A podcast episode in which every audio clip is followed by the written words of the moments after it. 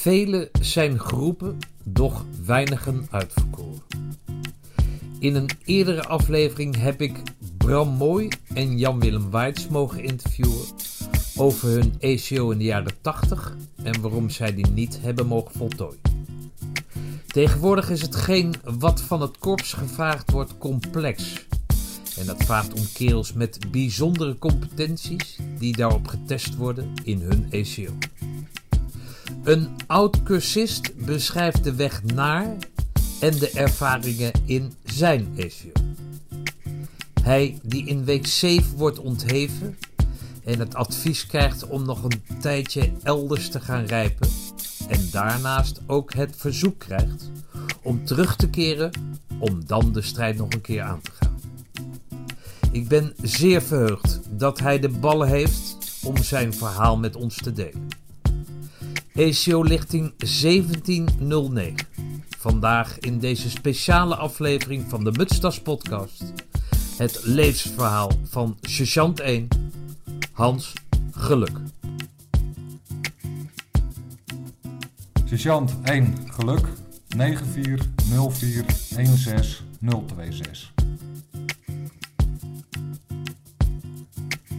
Hey Hans, als jij je voorstelt, hè, dan, dan noem jij natuurlijk ook je, je achternaam. Wat, hoe reageren mensen op jouw uh, achternaam? Ja, vaak uh, proberen ze het of te ontwijken, de reactie. Dat zie je aan ze. Of ze gaan er volop in en uh, ze doen er een beetje lacherig over. Of, oh nee, jij zeker veel geluk in je leven. Of, okay. Ze reageren vaak wel. En als ze niet reageren, zie je dat ze wel willen reageren, maar het wegstoppen. Okay. En, en als mensen zeggen, dan heb je veel geluk in je leven, dan hoe, hoe, hoe, wat, wat is je antwoord daar dan op? Vaak wel. Ja, ja ik heb niks te klagen. Oké. Ja. Hey, luister, waarom ik hier zit, is uh, dat jij een uh, connectie met je vader hebt. Hè? Want daarom uh, je vader. Je vader heeft dan een en ander met het, met het korps te maken. Ja. Op wervende en donerende mensen gericht, om het zo maar te zeggen. En jouw vader, die, die heb ik ontmoet bij de SFC. Uh, SFC is de beweging die de Commando Stichting financieel uh, ondersteunt. Ja. Moeilijk verhaal. Daar heb ik jou ontmoet op de, op de SFC-dag. Voor iedereen een aanrader hoor, om lekker 100 euro te storten. En leuk, die SFC-dag zie je regelijk ook nog eens een keer. Maar waar het eigenlijk om gaat, is dat jij een connectie met het, uh, met het korps hebt. Ja. Kan je mij eens even als introductie in het kort vertellen wat die connectie is? Nou, ik had vroeger maar één doel als kind al, dat was naar Defensie. En uiteindelijk is dat doorgegroeid naar ik wil commando worden. En dat, heb, dat doel heb ik altijd voor ogen gehouden. En dat is uiteindelijk niet gelukt. En die connectie wil ik toch houden, mede omdat pa in het uh, SFC zit. Maar ik vind het ook leuk om samen met hem uh, de connectie met het korps uh, te bouwen. Oké. Okay. Ja. Waarom wilde jij naar Defensie? Wat, wat is, ben jij altijd het jochie geweest die op straat als soldaatje liep? Uh... Ja. ja, elke woensdagmiddag en zaterdag met vrienden het bos in om een soldaatje te spelen. Nou, vroeger uh, altijd naar de open dag van de landmacht. Mijn kamer hing vol met uh, posters, noem het allemaal maar op. En ik heb eigenlijk nooit aan wat anders gedacht. Het was voor mij duidelijk. Oké. Okay. Ja. Wat trok, trekt jou dan zo aan dat leven? Ja, dat is best wel een lastige vraag, want die stellen best wel veel mensen. Maar dat is ja, toch het avontuur wat erbij komt kijken. Uh, met mensen bezig zijn, uh, naar het buitenland. Ja. Dus uh, een best wel een speciaal leven. Maar zit dat dan in dezelfde categorie als jongetjes of meisjes politieman willen worden of politievrouw? Is, is, is dat het? Of, of is, is politie te weinig avontuur of is, is dat te dichtbij? Als jij zegt avontuur, moet dat dan, is dat dan hè, in, in die periode dat je dan met een helm oploopt en, en een uh, gevechtsjas of zo, veel te groot, uh, een beetje zo. is dat dan, wat, wat is, is dat mensen helpen of zo? Wat, wat, wat is dat dan? Oorlog voeren? Wat, wat, wat, als je zo jong bent, als je dat teruggaat naar die, naar die tijd. Ja, als je als, als klein jongetje kijk je best wel op tegen de militairen. Zelfs dat mensen brandweerman of, of politieagent of iets willen worden had ik altijd in mijn hoofd dat ik wil militair worden. Maar dat is een, jongens, een jongetjesdroom geweest die eigenlijk nooit meer weg is gegaan. En het, waarom ik dat specifiek wilde, ja, dat, dat is op een bepaalde manier zo gegroeid. En ik wilde niks anders. Oké. En dat is toch, uh, ja, dan kom je toch al snel op uh, de uitdaging en uh, met een mooie club eh, mooi werk doen eigenlijk. Ja, ja. Ja, Team. eh, maar wat voor sport? Heb je op eh, scouting gezeten dan of zo? nee, nee, nee, ik heb eh, van alles gedaan, maar niet op scouting of dat soort maar dingen. wel teamsporten. Nee, ik heb altijd individuele sporten gedaan. Ja, Oh, judo, Oké. mountainbiken, racefietsen. Ja, ik was Wel gek dan of niet? Ja, Dat je dan, ondanks dat je dan individueel je aan het testen bent, dat je dan verlangt naar, naar iets van de groep of zo. ja, ja, dat komt toch omdat ik eh, wel een mensenmens ben en graag met mensen werk. Ehm, ja, dat is toch, is toch wel graag zelf aan het sporten, ja. Om zelf eh, te presteren. Oké. Ja. Was je goed in dat judo? En, Nou ja, wat is goed. Ik deed, ja, lekker mijn een Ik heb niet, ik heb, nee, nee, nee, nee. Olympische Ik heb niet in de topsport gezeten of ook maar die ambitie gehad om daar wat mee te doen. Dat was puur hobbymatig. Oké. Ja. En dan wanneer vertaalt zich dat dan in een beroepskeuze? Dat je dan, dat je dan echt militair wil worden? Want je bent dan na zo'n open dag, dan kom je natuurlijk van alles Ja. kom je tegen qua dan, onderdelen eh, en dat soort zaken. Ja, en dan eh, gingen we ook echt langs elk onderdeel. Nou, ik kwam al snel uit op eh, de infanterie. Om, ja, toch vond ik altijd het echte werk. Niks aan nadelen van de andere clubs, maar ik wilde graag voor de infanterie. Dan ging je langs de stands van luchtmobiel, van de panzerinfanterie, van de mariniers. Ja, dat trok mij zo erg dat ik echt wel eh, ben gaan oriënteren op de infanterie. Oké. Wat vonden ze thuis dat je dat, dat je dat wilde? Nou, pa die heeft zelf ook bij de infanterie gezeten, dus die, eh, die vond het prachtig. Ja, en eh, voor de rest werd, werd ik daar wel volledig in gesteund. Oké. Ja. Maar niet van, hé hey, want je vader is ondernemer, kom lekker bij mij in de Nee. zaak. Of, of, Hij heeft mijn keuze altijd gesteund en ja, we stonden er ook achter. Oké. Ja. En het gevaar wat daar dan aan kleeft, ja, je, je leest alles uit folders, open dagen en dat soort zaken. Hoe, hoe sta je dan tegen ten opzichte van als je dan zeg maar een zelfdenkend iemand wordt van de jaar 16, 17? Zie je dat gevaar dan of blijft dat echt hangen op dat team en, en met z'n allen en het Ja, nou ja, avontuur? toen ik ongeveer in die leeftijdscategorie zat, toen eh, was ook in de tijd van Oeruzgan naar Irak, dat je ook veel in het nieuws eh, erover zag. Ja. Dat er inderdaad ook echt wel slachtoffers vielen. Maar met het gevaar ben ik dan nooit echt bezig geweest. Dat, dat hoort erbij. Het is niet dat me dat eh, weer hield om, eh, om die keuze te En geld?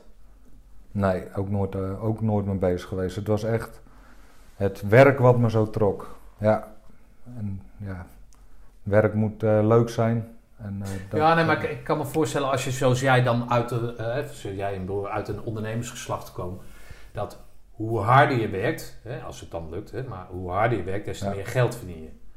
En bij, bij, zeg maar, misschien dat je op die leeftijd helemaal niet mee bezig bent, misschien is het ook wel een onmogelijk vaar, maar als jij dan bij Defensie werkt, weet je dat het hard werk is. Ja. Ja, toch? Dat het niet allemaal overdekt en verwarmd is, dat, dat je gewoon eh, ontberingen tegenkomt en, en hoe harder je en je krijgt er geen, geen geld voor. Daar hebben ze denk ik die medailles voor uitgevonden. Hè? Dus Ja, als je heel goed je best doet, erkenning. Ik krijg nog en medaille. je moet je elke keer thuis weer voorstellen dat je dan eh, maar die Ja. medaille kan laten zien, maar daar ben je niet- mee bezig. Het Nou, ik vind dat wel mooi. Vanuit mijn opvoeding eh, ben ik nooit opgevoed met je moet veel geld verdienen. Wel met je moet hard werken, je moet goed werk doen, maar niet je moet veel geld verdienen. Dat heb ik nooit van huis uit meegekregen. Hm. Dus ik heb ook nooit dat eh, gedacht van ik moet als ik groot ben veel geld gaan verdienen. Maar ik, ik wil doen wat ik leuk vind. En dat was voor mij altijd defensie geweest. Oké. Ja. Hey, en eh, vriendinnetjes? Ja, ik was eh, vroeger behoorlijk verlegen. Oké. En dat is, eh, dat, heeft, dat is lang doorgegaan, dus ik ben nooit echt met meiden bezig geweest. Dat kwam eigenlijk rond mijn 18e pas, eh 17, 18e. Ja, en ik wa- was ook niet degene die altijd succes had. Dus eh, ja, Oh, dus dat geluk slaat eigenlijk helemaal nergens op. van vrouwen. Die achternaam. Wil je met me dansen? Ik heet eh, Hans Geluk. nou ja, die stap die was voor mij al ver. Oké. Dus eh, ik was niet zomaar iemand die ergens op afstapte. Nee, oké, maar goed, ik, ik bedoel eigenlijk meer te zeggen van als je dan verkering krijgt, dat heeft, hè, die, je hoort heel vaak van mensen bijvoorbeeld die kok zijn, ik wil kok worden en dan krijgen ze verkering, dan is het in één keer van ja, maar moet je luisteren, ik vind het allemaal prima, maar mijn verkering moet gewoon s'avonds thuis zijn. En eh, jij bent elke avond, eh, dus we, we, kappen ermee. Dan wil jij uit, draag je uit dat je militair wil worden, Ja. worden dan zit daar, zit daar, ja, prima, zal wel. Nou, de meiden die, waar, waar ik wat mee gehad heb, die wisten dat ik militair wilde worden. En die leerden mij ook kennen in de tijd dat ik eigenlijk met de opleiding en zo al bezig was. Dus ik, eh, die wisten eigenlijk niet beter. Oké, Dus als ze voor mij kozen, ja, dan kozen ze ook voor het vak. ja, nou ja, ze werden verliefd op mij als persoon, maar het vak, dat, dat was er al. Dus daar hadden ze weinig invloed meer op. Oké. Maar als je dan zo voorbereid bent in dat, in dat defensie, door jezelf voorbereid, Mhm. hoe ziet die weg van, naar defensie of hoe ziet dat eruit dan in jouw geval? Nou, ik heb eh, het VMBO gedaan. Daarna wilde ik nog eh, eh, de HAVO proberen. Nou, dat is niet gelukt. Daar had ik dusdanig slechte cijfers dat ik daar ook vroegtijdig mee gestopt ben. Want ik had de keuze of blijven zitten en het weer proberen of eh, wat anders doen. Nou, als ik weer bleef Maar zitten liepen dan... de kantjes er dan vanaf dat het niet Nee. lukte? Of? Nee, ik, ik, eh, ik miste echt de kennis eh, daarvoor. Ja. Toen ben ik gestopt toen ik merkte dat ik het niet meer zou gaan halen. Ehm, en toen kwam ik eigenlijk in een gat.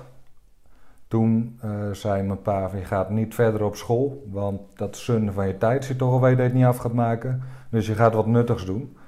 En toen zei de directie op dat moment van dat is prima, maar dan gaat hij nog wel een opdracht doen eh, in context met zijn eh, toekomstbeeld.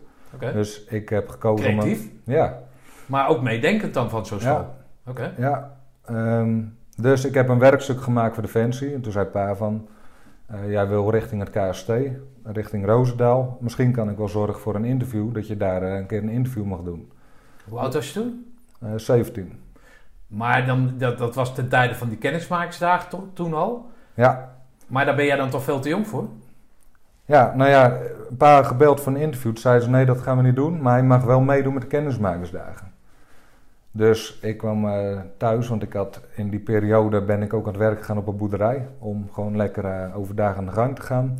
En toen kwam ik thuis en zei pa, ik kan eh, volgende week, dat was een week later al, meedoen met kennismakersdagen. Dus Nou, Dus, maar dat eh, is dus uniek, hè? dat is uniek. Ja, oké. En het had voor mij ook weinig druk. Het was meer kennismaken met, dus de kennismakersdagen, dan ik moet presteren en het halen om erbij te kunnen. Ja, Want ik mocht meedoen voor spek en bonen. oké. Dus ik heb dat gedaan. Ik heb me daar gemeld. En mijn eerste eh, aanraking met de fans was dat ik in mijn burgerkloffie in een viertonnen sta op zo'n vrachtwagen. En ik gelijk volledig uit mijn broek scheurde. Omdat de stap te groot was toen nog voor mij. En eh, ja, ik heb daar mijn spulletjes gekregen. Ik heb drie dagen mee kunnen doen. Oh joh. Ik liep, eh, mijn buddy was een eh, grote luchtmobiler eh, van 30. En ik ben bij hem aangeklikt en ik heb eigenlijk drie dagen met hem samengelopen. Hoe, hoe is dat dan als je je hele jeugd militair wordt, als je dan in één keer zo in dat diepe gegooid wordt, ondanks dat jij zegt dat er niet veel druk was, maar als je er toch bent, jou een beetje kennende, dan, dan doe je ook je best natuurlijk. Ja, ja, Hoe is dat dan als je dan naast zo'n luchtmobiele die 30 is eh, en al gepokt en gemazeld is? Ja, je kijkt natuurlijk overal huishoog tegenop, dus die hele wereld is eh, nieuw voor jou. En ja, ik vond het allemaal prachtig en ik keek er ook wel een beetje tegenop. Maar ik werd echt meegenomen, ook door de club, ook door de instructeurs eh, die daar toen waren. En ik werd volledig in het plaatje meegenomen. En dat was heel spannend, maar ik vond het wel echt, eh, echt heel gaaf. En achteraf ben ik ook blij dat ik het gedaan heb. Oké. Hey, en dan ben je klaar met die kennismakingsdagen. dan, ondanks dat jij dan daarvoor een werkstuk komt, dan krijg je natuurlijk ook iets van een evaluatie of zo. Ja, nou ja, ik, eh, op een gegeven moment op eh, de vrijdagochtend, toen zou het echt zwaar worden. Toen zeiden ze van, we halen jou eruit. Toen heb ik gezegd, nou, ik wil graag meedoen totdat het niet meer lukt. Dus toen heb ik uiteindelijk die hele ochtend vol, eh, volgemaakt. Toen heb ik uiteindelijk een certificaat nog en een eh, foto gekregen. En ook, ja, dat was voor toen hartstikke mooi en positief advies. Nou joh. ik vonden zij natuurlijk ook prachtig. Ja, Dus eh, ja, en dat geeft je zo'n boost in je zelfvertrouwen. Dat ik Ja. eigenlijk me toen ben gaan vastbijten in het KST. oké. dus dan ruik je aan het KST, dan merk je dus ook, Hoe de sfeer Dat- daar is. maar dat defensie, dat dat jou past. Ja, ja. Want het- het- vanuit huis, je zegt dat je gemotiveerd wordt, gestimuleerd wordt, maar het- is, is dat militaire die- dienstplichtige, is dat, is dat doorgeslagen in een harde opvoeding dan? Of, of is het... Nee, nee, ik, eh, een harde opvoeding kan ik het zeker niet noemen. Maar we hebben wel een stukje normen en waarden meegekregen. Ja. ja. En dat Dat- komt dan van pas, dan merk je dat dat van pas Ja. komt in zo'n omgeving. Ja, gewoon eh, vooral het stukje eh, gewoon goed en hard werken en daar wat mee verdienen. Oké. Ja. Dat, ja, als je over een boost praat, dan is dat natuurlijk fantastisch. Ja. Wat, wat zegt jouw vader ervan dan, als je dan terugkomt en eh, een positief advies? Ja, die vond het prachtig. Die, eh, zelf natuurlijk dienstplichtig dan, maar ook bij de infanterie gezeten. En voor hem, hij vond de KST ook prachtig. Dus die steunde me ja, daar volledig in. En die eh, motiveerde me ook om die kant op te gaan. Hoe is dat werkstuk ontvangen? De- Heb je daar ik heb dat nooit meer afgemaakt. Ik Oh, jij bent dan... Ik heb de kennismakersdagen gedaan en, eh, en eh, ik, heb, eh, ik ben begonnen aan het werkstuk, maar ik ben toe gaan werken ook op die boerderij. Ja. En daar heb ik zoveel uur gemaakt dat ik eigenlijk nooit meer aan het werkstuk, dat heb ik nooit meer afgemaakt. Oké. Maar goed, dus dan is de keuze bepaald. Dan, dan merk je dat, Ja. daar, hè, want voor hetzelfde geld klikt het niet. Denk je van, Ja, wat- dat had ook wat goed gekund. Ja. Maar dan, dan ben jij dus geboren voor militair zijn, om het zo maar te zeggen. Ja, zo voelde dat wel, ja. Ja, ja. oké. En ik, zat, ik had de HAVO toen niet gehaald, ik werkte op de boerderij en dan sta je toch voor de keuze van wat ga ik nu doen. Want Ja. ik was nog te jong om te beginnen bij Defensie. Hoe oud moet je zijn dan? Of toen de tijd? Eh, ja, dat zal dan eh, 17,5 eh, denk ik minimum. Of 18,5. Ja, dat weet ik ook niet precies, maar ik was toen op dat moment te jong. En toen hadden ze een, net een opleiding gestart. Veiligheid en vakmanschap eh, heet dat. Kon je niveau 2 en niveau 3 doen. Dat was een mbo-opleiding. Zat je in, Oh, dat is dat VEVA. ja, Oh, het. VEVA-verhaal. En daar ben ik naar een informatiedag geweest. En eh, ook gelijk toen ingeschreven voor eh VEVA niveau 3. Dus een leidinggevende de functie, als je dat eh, af zou maken. En na, de, na die periode ben ik dus die opleiding gaan doen. En dat heb ik ook afgemaakt. Oké. En toen kon ik gelijk op de KMS als onderofficier beginnen. Oké, is die VEVA, want ik, kom, ik heb de Vierdaagse gelopen. Eh, ja, ja. Maar, eh, heel hard. Nee, maar ehm, eh, eh, dan zie je zo'n klas lopen hè, op die Vierdaagse. Dus dan zit daar, ik denk iets van een sergeant, hè, want oude iemand. En dan zie je die jongens en die meisjes met een geweer en Ja, ja. puffen en zingen en weet ik wat. Vraag me altijd af, wat, wat, is, is dat een, een goede, hè, zoals jij dan, daar dan over kan oordelen, is dat een goede opstap naar hetgeen wat Defensie is? Ja, ik denk dat inderdaad als je nog te jong bent en je wil echt naar Defensie, is het een hele goede opstap. Alleen, ehm, ik heb, laat ik het zo zeggen, ik heb persoonlijk een hele goede opleiding gehad. We, hebben een, we hadden goede instructeurs dat rondlopen in? Amersfoort. Ja. Ja. die opleiding is nu weg, die hebben ze opgesplitst over verschillende locaties. Maar ik had daar goede instructeurs. Eh, ik heb veel gesport. We kwamen elke dag eh, of elke week in aanraking met de kazerne. En we werden goed voorbereid om, eh, om richting Defensie te gaan. Oké. Maar ik weet ook, er zijn ook een hele hoop verhalen dat die mensen die niet positief kijken naar VEVA. Want wat ik net zei, ik heb MBO niveau 3 gedaan. Ik was, eh, kon dan doorstromen naar de onderofficiersopleiding. Alleen voor ons werden die plekken al gereserveerd. Dus heel veel corporaals die al paraat zaten, die naar de KMS wilden, die konden niet omdat er al zoveel plekken waren gereserveerd. Door die VEVA. Door de VEVA-leerlingen. Ja, ja, oké. Ehm, en als ik zie, ik ben de enige van de 21 uit mijn klas op dat moment die ook daadwerkelijk naar de onderofficiersopleiding is gegaan richting de infanterie waarvoor we werden opgeleid. En die andere dan? Ja, die zijn of naar een ander wapendienstvak gegaan, maar meer dan de helft is, is ook wat anders gaan doen in de burgermaatschappij. Dus helemaal niet richting Defensie gegaan. Oké, maar dat is wel de functie van zo'n VEVA, toch? Ja. Dat, dat je eerst snuffelt aan, is dit wel wat voor mij? Jij hebt dan het geluk gehad met die kennismakersdagen. Ja. Maar er zijn natuurlijk ook zat mensen die het uit de folder van televisie denken, nou, Het is, heel goed, voor- het is heel goed voor de beeldvorming, ja. Ja. Wij gingen drie eh, weken naar school met veel sport en dan één week op stage. Dus gingen we naar Luchtmobiel, Panzer of de Mariniers. En daar kregen we echt een hele goede beeldvorming. Ja. Hoe word je daar dan behandeld als je van de VEVA komt? Als je daar stage loopt? ja, ik heb daar eh, wederom weer hele goede stages steeds gehad. Oké. We werden echt goed... eh, Maar je werd serieus genomen. Het Ja. was niet van, heb je die nepsoldaten of... of het lag er maar net aan wie je had als instructeur. Ja, zo, weet je, de nepsoldaten, zo werden we ook wel gezien inderdaad. Maar ja, we hadden, ik heb gewoon veel geluk gehad met mijn school en met de stage. Want die namen ons echt wel serieus. En eh, ja, we zijn goed Heb voorbereid. jij beeld eh. van hoe die VEVA er nu uitziet? Zijn daar veel mensen die naar zo'n VEVA gaan? Of, of omdat eh, hè, je Ja. leest natuurlijk en je hoort heel veel over dat de, eh, tekort aan personeel bij Defensie. Dan zou dat natuurlijk, is dat een ideale kweekvijver om mensen richting het defensievak te, te laten gaan. Ja, ehm, en het voordeel van die VV, je hebt verschillende richtingen, dus ook logistiek, eh, monteurs, geneeskundige dienst. Ehm, en te- dus iedereen die gaat toch heel specifiek in een richting denken en kijken of dat echt wat voor ze is. En naar mijn mening komen er best wel veel leerlingen af van die scholen richting Defensie. Oké, dus Ja. je kan het, het is een aanrader. Als je het niet weet en je hebt neiging om daaraan te ruiken, dan is dat echt de ruikplek. Dan, dan Ja. maak je van alles mee en dan kan je daarna altijd je keus bepalen. Ja. Eh, ik weet niet of ik het iedereen zou aanraden, helemaal niet richting de infanterie. Want ik denk, ehm, wat ook een mooie stap zou kunnen zijn, is je gaat eerst een, een andere opleiding doen. Dus iets wat je ook mooi lijkt in de burgermaatschappij.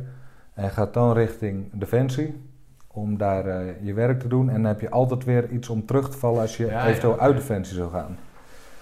Ja, en dan ben je al wat ouder, heb je natuurlijk andere dingen gezien. Maar ja, een bivak blijft een bivak natuurlijk. Dus Ja. dan is het wel fijn als je op de VVA een keer een bivak meemaakt als stromende regen is, toch? Ja, 100%. En ik ben ook blij eh, dat ik deze keuze achteraf heb gemaakt. Oké. Ja. Dus dan 20 die, eh, die gaan wat anders doen. En jij bent de enige die dan de infanterie eh, in, eh, instroomt. Als onderofficier. Als onderofficier. Ja. Oké. Ja. Met zo'n KMS, is, wat, wat, wat, wat, wat, is, wat is dat? Nou, dat is de algemene, of de, sorry, de onderofficiersopleiding. Ja. Dus daar leer je het vak als onderofficier. Dus eh, leiding geven, lesgeven en vorming en dat soort zaken. En dat was voor ons prima te doen. En wij kregen daarbij ook onze AMO. Want we waren natuurlijk, we hebben AMO VEVA gedaan. voor? Algemene militaire opleiding. Oké, dat Dus is echt, het eh, salueren, het marcheren, gewoon de basis. De exercitie, de wapenles, Ja, ja, alles wat het is om militair te zijn. Oké, Ja, en toen we dat hadden afgerond, gingen we gelijk door om een leidinggevende functie daarin te bekleden. is dat leuk? Zo'n KMS? Dat, dat... Ja, voor ons als VEVA-leerling was het natuurlijk prachtig, want dan kom je echt in aanraking Ja. met fans wat je altijd hebt gewild. Ehm, ik vond dat prachtig, ja. Hadden, eh, wij zaten nog in Weert. En na de KMS ga je richting je vaktechnische opleiding. Dat duurde bij ons eh 37 weken. En daar ga je veel meer nog gericht op je vak, ook eh, de onderofficiersopleiding verder afmaken. Oké. Nou, En daarin zijn dan zeg maar je bevorderingen je tot corporaal en dan word je op een gegeven moment sergeant titulair of zo. Sergeant titulair. En ben je dat, dan ga je dus richting de vaktechnische opleiding. Om echt eh, gericht op jouw eh, vak eh, leiding te gaan geven. Zeg En kom je dan, word je dan gekoppeld aan iets van een mentor of zo? Of als je zeg maar die vaktechnische opleiding doet, of je komt bij een onderdeel, krijg je dan iemand die zich druk maakt over jou of om jou, jou begeleidt? Of, of... Nou, je hebt je, hebt je vaste instructiekader. Die, die elke groep van, ja, wat zou het zijn, denk ik 12 leerlingen, Ja. heeft twee instructeurs. En die twee instructeurs die eh, begeleiden jou van begin tot het eind. Oké. Ja. Is dat intern trouwens of niet? Ehm, gedeelt, gedeeltelijk wel, gedeeltelijk eh, niet. Ja, Oké. gegeven deed jij dat? Ja, wij zaten in Weert, dus dat was Ja. een eind rijden. En dan gingen we met de twee vrienden reden die kant op en dan zaten we de hele week daar binnen. Oké. Ja.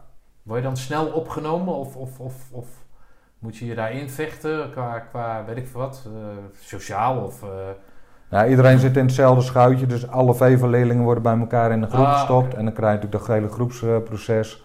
dus je zit met elkaar in hetzelfde schuitje, in hetzelfde moment. Dus dat, dat gaat heel snel, ja. Helemaal als je intern zit, dan... eh, is dat gewoon ook gezellig? Ja, zeker. Oké, Ja. heb je nog contact met, met die lui die, die daar vandaan komen of niet? Want je wordt dan op een gegeven moment spreid je je uit over het Ja. hele land. Nou, van de, eh de onderofficier, de KMS zeg maar niet. Maar daarna die vaktechnische opleiding hebben we ook eh, ge- af en toe nog een reunie. En dan spreken we elkaar allemaal weer. Ah, oké, grappig. Ja, dus eh, ja, dat is zeker... eh, Hey, en wat, wat, wat, wat krijg je dan als toekomstperspectief eh voorgeschoteld? Eh, Krijg je een carrièreplanning of, of wordt daar aandacht aan besteed? Of wat, wat, wat verwacht je van je toekomst dan? Van je nabije toekomst natuurlijk. Hè? Ehm, nou, als je de opleiding afmaakt, weet je dus dat je als onderofficier kan beginnen. Dus dan, eh, en dan heb je ook nog een... Wij kozen voor de infanterie en dan kon je ook nog kiezen van... we gaan naar de panzerinfanterie of naar de luchtmobiel. Ja. En dat was dus eh, ook waar je voor kozen, zou je ook terechtkomen.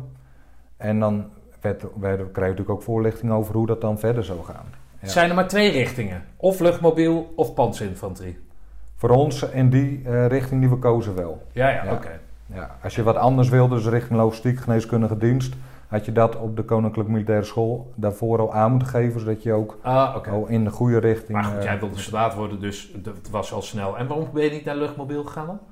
Nou, ik zou je vertellen, mijn keuze is altijd al vanaf het begin luchtmobiel, want dat had de beste aansluiting op het KST volgens. Ik weet niet of het nu nog steeds zo is, maar als je als burger solliciteert, Ga je eerst zoveel weken de luchtmobiele opleiding in en dan kun je doorstromen richting eh, de commando's. Ja. Dus ik dacht van ik wil altijd naar luchtmobiel. Uh, dan heb ik de beste voorbereiding op de commando's. Dat heb ik heel de opleiding volgehouden. En ineens in mijn vaktechnische opleiding, doe ik bijna klaar was, kreeg ik te horen dat ik in Haafden werd geplaatst door de panzerinfanterie. Oh, Dus want? dat was, ja, dat werd zo bepaald. Dat, eh, dat had ik verder ook geen, eh, geen eh, invloed meer op. Dat was gewoon zo. Oh, dat, dan, dan verstoort dat dus jouw Toekomstperspectief. toekomstperspectief Ja. voor jezelf dan.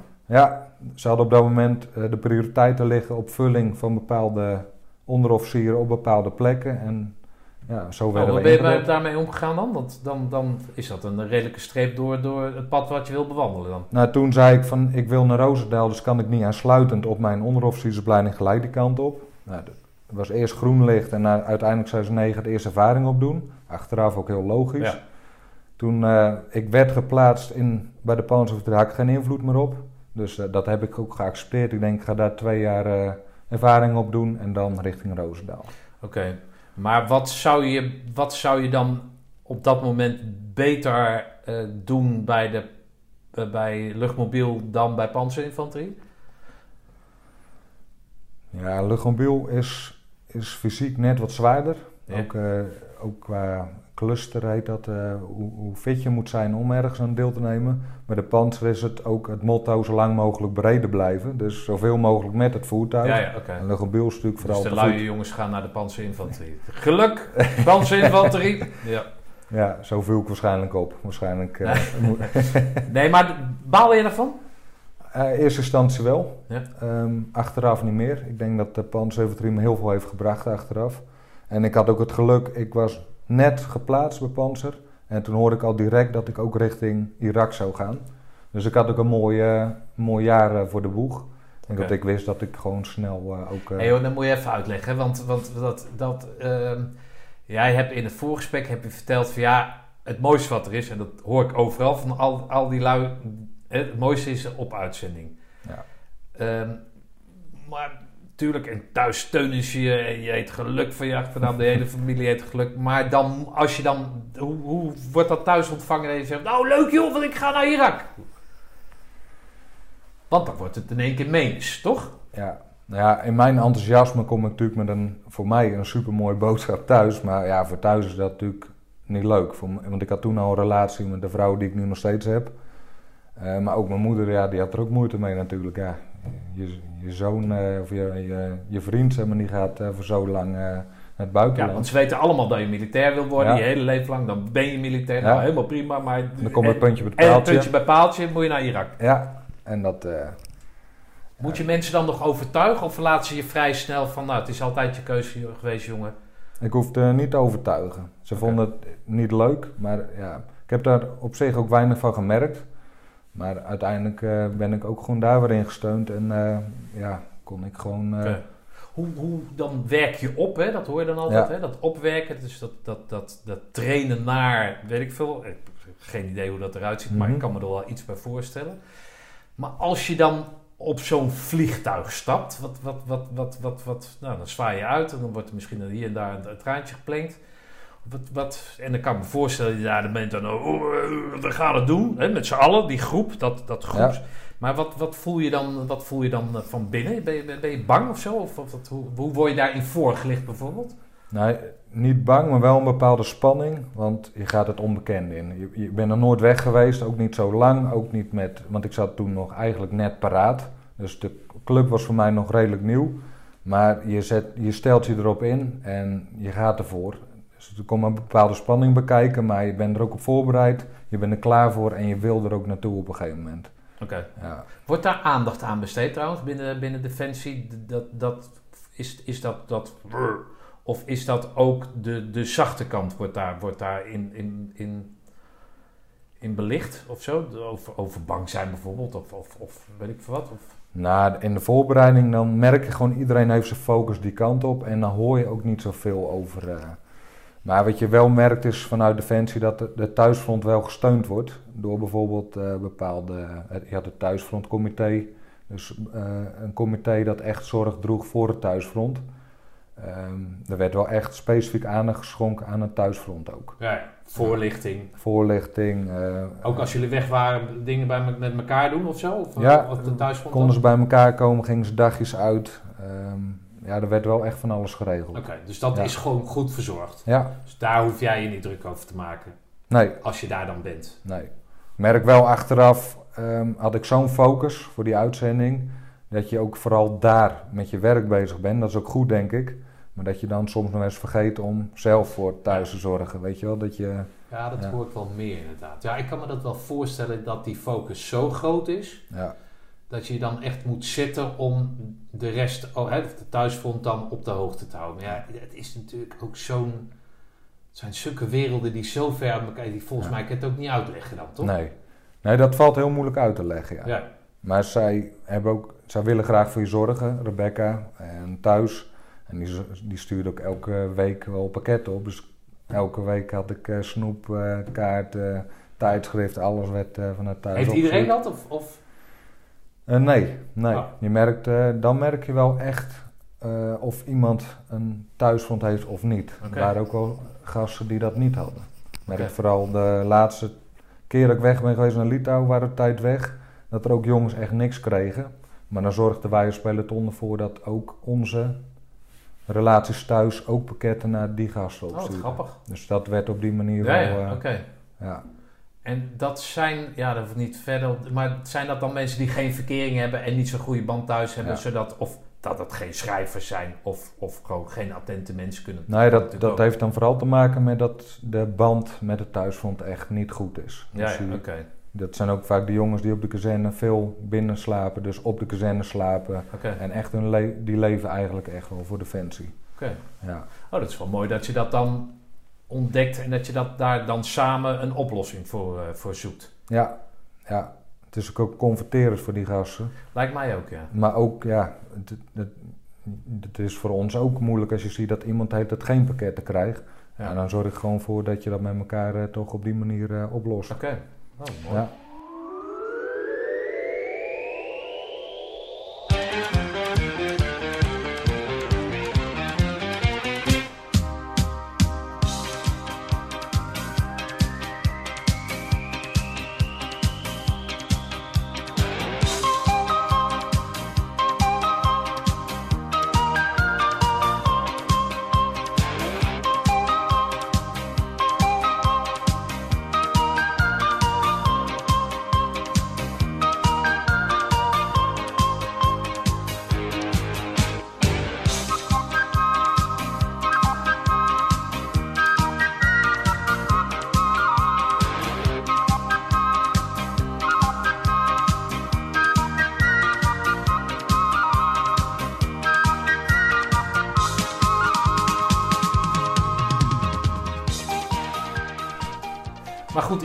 Wat, wat, wat doe je in Irak dan? Dat was een trainingsmissie. Dus eh, we zijn erheen gegaan in een veilig gedeelte van Irak. Dat was dan eh Koerdistan.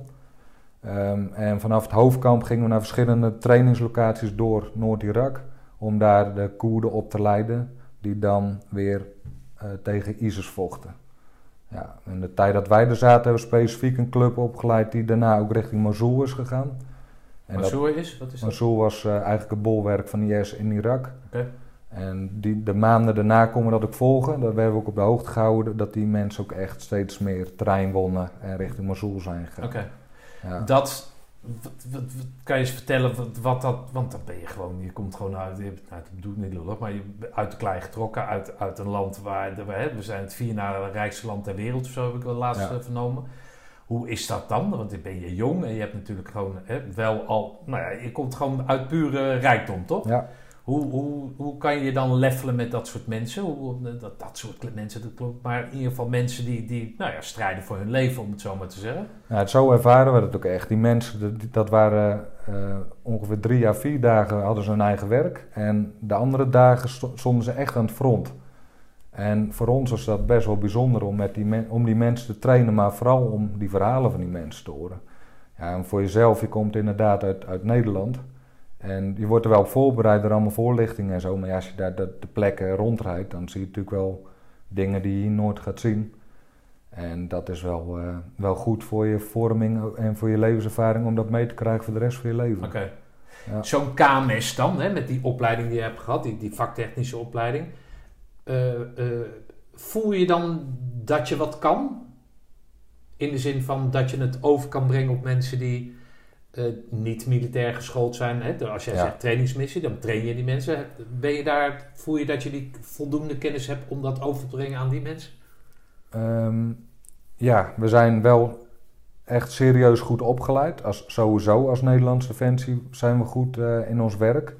Maar ik, ja, ik was natuurlijk net paraat. Dus ja, je, je, ben, je hebt nog niet de ervaring opgebouwd binnen Defensie. Maar wel echt serieus een goede opleiding gehad. En daar in dat land voor elke les, eigenlijk elk onderwerp, hadden we een, aantal specialisten eh, staan die die lessen verzorgden. Dus ik had bijvoorbeeld eh, mobility, dat was vooral de lessen met voertuigen. Ja. Dan ging ik me ook specifiek daarop voorbereiden in het opwerktraject. Zodat iedereen zijn eigen specialisaties had en dat ook over kon brengen. Oké. Dus je had genoeg zelfvertrouwen om daar Ja. de kennis over te Maar brengen. dan train je met hun voertuigen. Ja, ja. Zij hadden... Wat zijn dat voor voertuigen dan? Dat? Ja, dat is wel mooi. Ehm, ik gaf dan de lessen mobility, gingen we naar een andere trainingskamp en daar stonden Humvees. En die waren eerst van eh, de Amerikanen geweest, eh, toen van de Irakezen. Toen had de IS Irak zeg maar, eh, ge- overgenomen, dus toen was het van de IS. En toen hadden de Koerden die van de verslagen IS-gas hadden die. Dus die Ja. Humvees hebben behoorlijk wat, eh, wat meegemaakt en dat kon je ook wel eens terugzien aan de voertuigen. Oké. Maar, Maar- zij wisten dus amper wat het was, hoe ze ermee om moesten gaan. Laat staan hoe ze tactisch daarmee moesten. Dus in dat opwerktraject heb jij leren rijden met de Humvee? Nee, ik heb vooral het tactische plaatje. Dus, Oh. En omdat ik natuurlijk bij de panzerinfanterie zat, dat is alles, alles draait daar om voertuigen. Heb je dus de kennis om met voertuigen op te treden. Ja, En ja, dan maakt het in principe niet uit wat, waar je mee verplaatst. Nee, Oké. nee. Hoe communiceer je dan? via een tolk. Dus wij Ah, hadden. Elke instructeur had een, eh, een tolk aangeklikt en die communiceerde dan weer met en, de en waar kwam die tolk voor jou vandaan dan? Vaak uit hetzelfde land. Ja. Ehm, en die hadden dan een opleiding gedaan, bijvoorbeeld Nederlands of een andere taal, Duits, met, met de landen die er zaten, om, eh, om te tolken. Dus hadden een en, opleiding en gedaan. die van jou, jouw tolk, die sprak? We hadden een stuk of acht en die werden Ja. dan per les ingedeeld. En we hadden twee uit Nederland. Ja. Dus die zijn vluchtelingen geweest en naar Nederland gegaan en weer teruggegaan. Dus die hadden, mooi. daar kon je heel makkelijk mee communiceren. En vaak hadden we ook een Engelse eh, tolk. Dus ja, dan moest je in het Engels met hun communiceren en zij dan weer in het Koerdisch Ja, oké. Is, is dat makkelijk met z'n tolk? Dat vraag ik me dan altijd af. eh. Ja, je moet, ze, je moet ze voor je winnen. Want als een tolk jou niet mag, ja. dan, merk, dan zeg je wat tegen die tolk en dan iets heel serieus. En dan begint die tolk tegen die koeren te praten en beginnen die koeren allemaal Ja. te lachen. Ja, dan weet Ja, je als genoeg. jij zegt we gaan linksaf en je ziet ze allemaal rechtsaf Ja. gaan, dan word je genaaid inderdaad. Oké. Maar dat, het- is, dat, is dat makkelijk? Dat, dat vertrouwen winnen en, eh, en wat hij moet natuurlijk ook naar jou. Je, moet, je bent een team. Ja, je moet gewoon, eh, je moet gewoon wat geven en wat nemen. Dus eh zij namen 's ochtends brood voor ons mee en dan gaven wij hun weer spulletjes. En gewoon ja, sociaal lekker met ze praten. Dan bouw je een band op met elkaar. Ja, je zit er 4,5 maand, die band wordt steeds sterker. Ja. Ja. Hey, maar dat avontuur waar jij dan naar, nou snakt is misschien wat overdreven, maar waar, waar je voor gaat, wordt, wordt dat daar, denk je van, dit is het, dit is, dit, het, dit is het leven? Nou, eh, ehm, dat, dat is wel waar je, wat je wil, ja, zo'n uitzending. En maar voldoet dat aan de verwachtingen? Het Is het van, hey, als je een eh, avonturenfilm dan denk je, nou, gelukkig dat ik dat allemaal niet hoef te doen. Maar jij hebt drang naar avontuur. Je weet niet hoe avontuur eruit ziet. Maar als je daar dan bent, voldoet dat aan, is dat van, nou, dit is, Hans, je pakt Ja. de spiegel, dit is avontuur. Dat is wel, dit zijn wel dingen die, die, die Vallen mooi zijn. Dat, dat wil je, dat, dat is het mooie van, van het werk.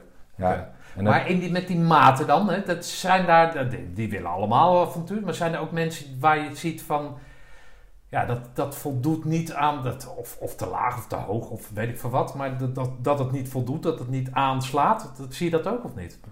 Nou, eigenlijk als je een goed opwerktraject hebt voor een uitzending, dan formeer je een bepaald, eh, bepaalde eenheid. En die eenheid gaat er ook voor. En dat zie je ook gewoon terug gedurende de uitzending. Het is niet zo dat je halverwege ineens met mensen, collega's te maken hebt die, die, die er eigenlijk helemaal niet passen. Ja, dat, dus dat in dat opwerktraject zeg jij, daar, daar vallen nou men, niet mensen uit dat ze minder zijn, maar die... Dus als je daar bent, dan weet je zeker dat je met mensen Ja. zit die er allemaal voor gaan Ja. en dat ook aankunnen. Ja. Ja, oké. Oh, dat is mooi. Ja, dat, dat is echt heel mooi. Ja. Oké. Dus hoe lang blijf je daar dan in totaal? Wij zaten 4,5 maand. Oké, en hoe, hoe, thuis dan krijg je die pakketten. Ja. Kan je nog bellen en zo? Of, of, eh, Ja, dat is tegenwoordig supergoed geregeld. We hadden daar wifi-kastjes. Dus zodra Oh we eh, op het kamp waren, konden we gewoon echt... eh, ja, wat je hier thuis met wifi kan, konden we daar ook. Dus, eh, Oh, dus, dus voldoende. En dat, Dan daar was ruimte voor. Filmpjes kijken, eh, bellen, eh, alles. Ja, wat dat betreft was het een rustige, een rustige inzet eigenlijk. Want we hadden daar gewoon de trainingsdagen dat we die mensen trainden. Nou, we kwamen eerst met onze Nederlandse mentaliteit. We zouden onze Nederlandse tijden er even aanhouden. Maar het was midden in de zomer, dus om 12 uur eh, houden die eh, mensen daar terecht even een goede pauze van drie uur. Want het is niet te doen om daar buiten met die Hoe- temperaturen te hoe trainen. warm is het dan? Ja, we, je gaat daar wel richting de 50 graden midden op de dag. En soms warmer, soms wat koeler, maar er zitten wel altijd rond de temperatuur. is daar dan wind of zo? Of, of, of, eh, of Nee, is er iets van, van verkoeling? Of? nee, wij kwamen in mei aan en dan begint de droge periode eigenlijk. En wij hebben geen druppel regen gehad die 4,5 Oké. maand. En 50 graden. Oké. is het midden op de dag en dan koelt het s'avonds af richting eh, de 30. oké. Ja. Maar dat, het is dus continu warm. Ja, Dan, daar moet je dan, daar kan je opwerken wat je wil, of optrainen wat je wil, hoe noem je dat. Maar dat, dat, dat, dat, kan je of dat kan je niet. Daar kan je niks aan doen, toch? nee, Kan je ja, niet optrainen, toch? weet je, we hebben de trainingslocaties in het gebouw houden we gewoon airco. Dus natuurlijk, eh, je koelt wel af eh, als het moet. En we trainen s ochtends vroeg, van een uurtje of zes, zeven tot en met de middag. En dan op z'n warmst gingen wij ook weg buiten. En zorgden we dat we de les gingen voorbereiden voor de volgende Ja, dag. ja, oké. Ja, Oh, dus het, ja, oké. Ja. dus we pasten ons ritme aan aan de cultuur en temperatuur Ja. van, van het land. Ja, wat ik nou maar nou altijd zo, zo, wat mij nou zo integreert, hè, dat is het 50 graden. Ik heb laatst eh, bij, eh, bij Willem van der Vlist, eh oud-commando, heb ik, die zit in de beveiliging, weet ik van, heb ik zo'n zo'n scherfvest hè, heb ik, eh, aangehad. Nou, ik ben best een stevige jongen, maar dat scherfvest, dat, ik ben helemaal geen stevige jongen. Maar dat, dat weegt ook wel wat. Ja. Dus als je daar, eh, zeg maar, eh, voor de beeldvorming dan, hè, als je daar dus eh, volledig, of volledig, maar zo maximaal mogelijk beschermd bent, dan heb je dus een scherfvest van hoeveel kilo aan? Ja, dat was het voordeel. D- dit was geen eh, eh, uitzending zoals Oeruzkan. Nee, of, maar we goed, liepen stel- daar niet gevechtsgereed door het nee, maar gebied. stel dat er gevechtsgereed, dan Ja. heb je een scherfvest, of wat weegt dat? Nou, zou het zijn eh, 25 kilo, denk ik. Ja, oké. En dan heb je nog je spulletjes bij je en, en 50 graden. Hè, om Ja. aan te geven hoe zwaar dat dan, nou ja, dat je, hoe getraind je ook bent, dat, maar als Dat, je dat in- doet wat met je. Ja, maar dat, dat- is niet te vergelijken met de uitzending eh, van 2010, zeg maar, waar ze echt gevechtsgereed door het gebied Nee, natuurlijk. Nee, maar even, dat kwam Ja. dan even in me op. Dat, dat, dat, ik dacht, nou, dat, hè? Natuurlijk ook menig speedpass geloof ik, maar dit, dit is dan wel even andere shit Ja. Oké. Nou, gaat dat naar het einde? Heb je dan het gevoel, einde van die uitzending, heb je het gevoel dat, dat je daar dan dat, iets wezenlijks hebt achtergelaten? Of dat je iets wezenlijks hebt gedaan? En die mensen geholpen hebt? Ja, dat, eh, dat voelde wel echt, eh, echt zo voor ons. Ja. Want eh, ze kregen aan het begin van hun opleiding, dus ze kregen een opleiding van de NAVO-landen die er zaten.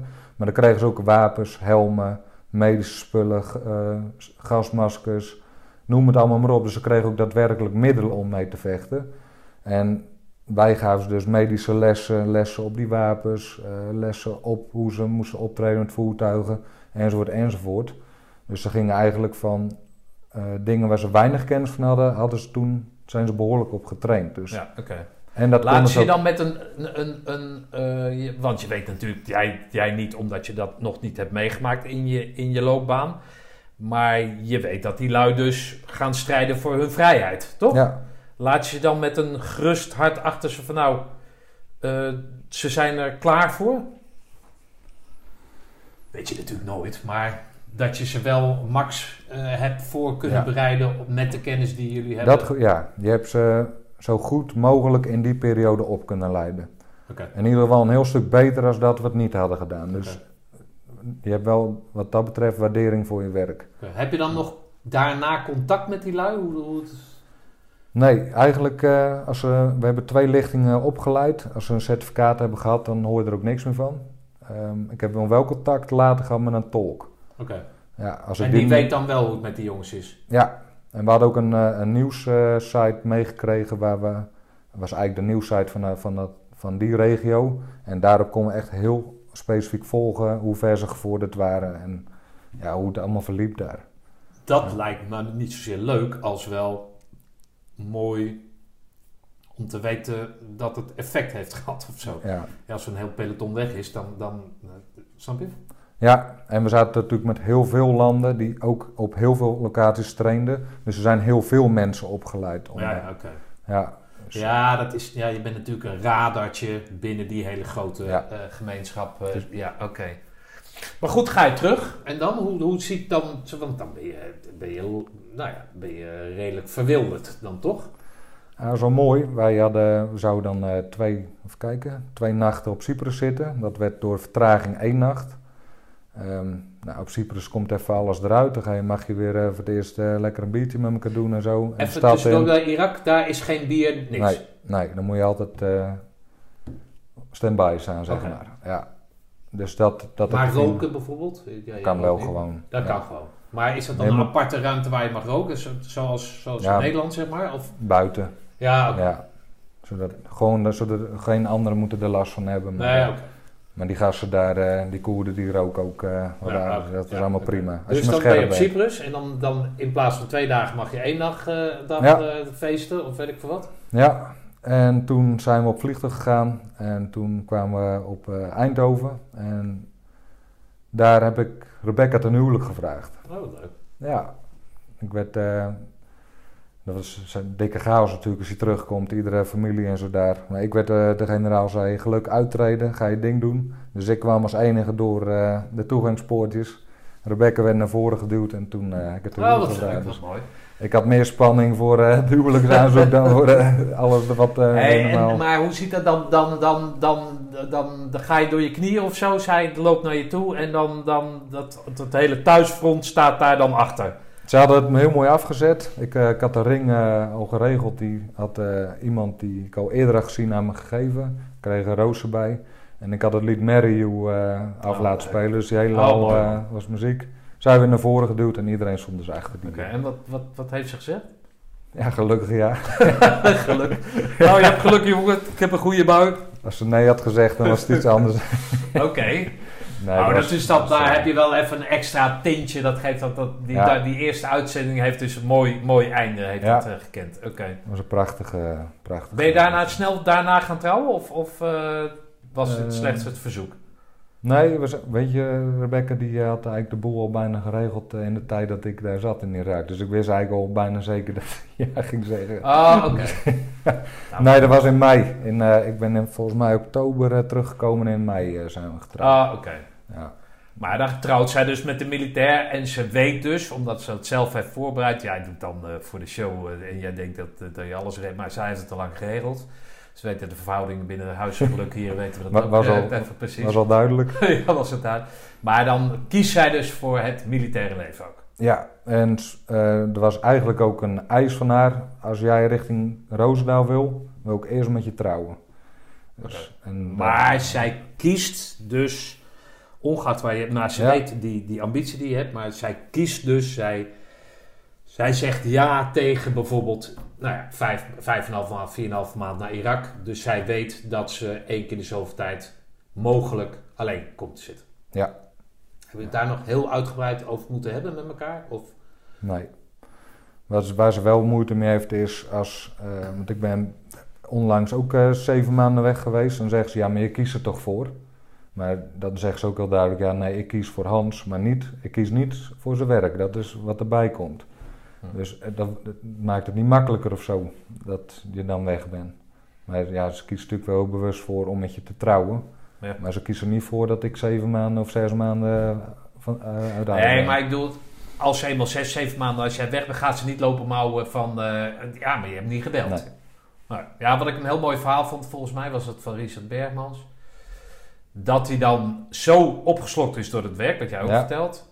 En dan denkt, oh ja, kut, thuis even bellen. En dan belt hij naar thuis. Ja. En dan zegt ze van, ja, ik ben net eh, goede tijden aan het kijken, dus dat komt even niet uit. Denk ik, nou ja, dan belt hij een keer. En dan zit je aan goede tijden een keer toch ook opnemen of eh, eh, uitzending gemist of wat dan ook. Maar wat hij dan zegt, en dat geldt dan dus ook voor jou en Rebecca.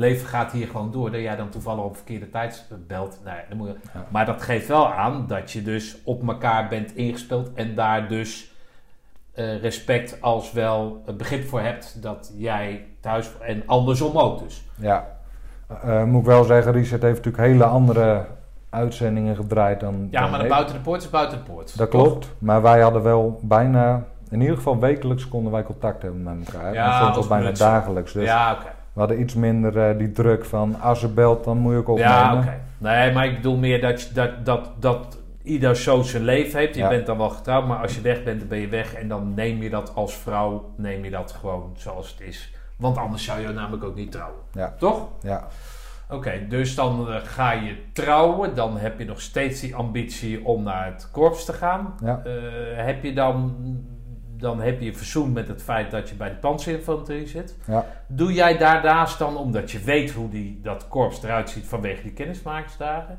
daar heb je een positief advies gekregen, dus je weet dat men het in ieder geval daar in je ziet zitten. Ja. Doe je daar dan nog dingen in fysiek of weet ik veel wat om fitter te worden? Weet je wat je moet doen? Of, of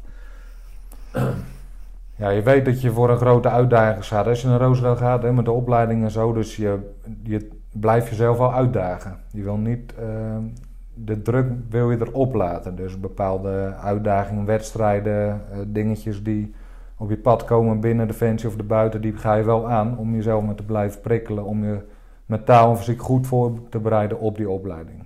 Maar thuis ga je dan, als je weekend hebt, ga je dan een rugzak vullen met Nee. stenen, ga je lopen? Of, Ik, heb, eh, ik heb, ben niet overdreven gaan trainen van tevoren eh, of eh, me zo gaan voorbereiden. Ik ben niet eh, een heel trainingsprogramma en me overdreven over de kop eh, gaan nee, trainen. het schijnt Dus- ook helemaal niet goed te zijn, maar... nee. Nee, dat zeiden ze ook heel specifiek. Eh, zorg niet dat je je piek voor de opleiding krijgt, want Ja. die piek krijg je in de opleiding. En in, voor, in de vooropleiding word je natuurlijk ook fysiek behoorlijk opgewerkt. Ja. Maar jij zegt dat je twee keer de kennismakingsdagen hebt gehad. Ja, Dus, dus, je bent nu een tweede keer ook gegaan, maar Ja. dan nu echt van voor het EGI. voor het niet, zeg Ja. maar. Ja. Daar zat een verschil in. Da- daar kwam je eerst als scholier en dan werkstuk maken. En Ja. eh, jij heb je daar dan verder in uitgedaagd om op die laatste dag te zeggen, ik doe gewoon mee. Ja. Eh, dan wordt het echi. Kijk je dan anders? Kijk je dan... Ja, dan moet je. Want als je het niet haalt, dan, eh, dan ga je ook niet starten in de opleiding. Dus die druk voel je wel. Maar ja, je hebt ook zoiets van, als ik het niet haal, dan heb- hebben ze ook een goede reden waarom het niet haalt. Of dat je het zelf niet haalt. Dus voor mij was dat een goede maatstaaf. Van als ik die dagen nu haal, dan, eh, dan ben ik ook klaar om te gaan Maar starten. dan is het ook een voordeel dat je dus al militair bent, hè? Ja.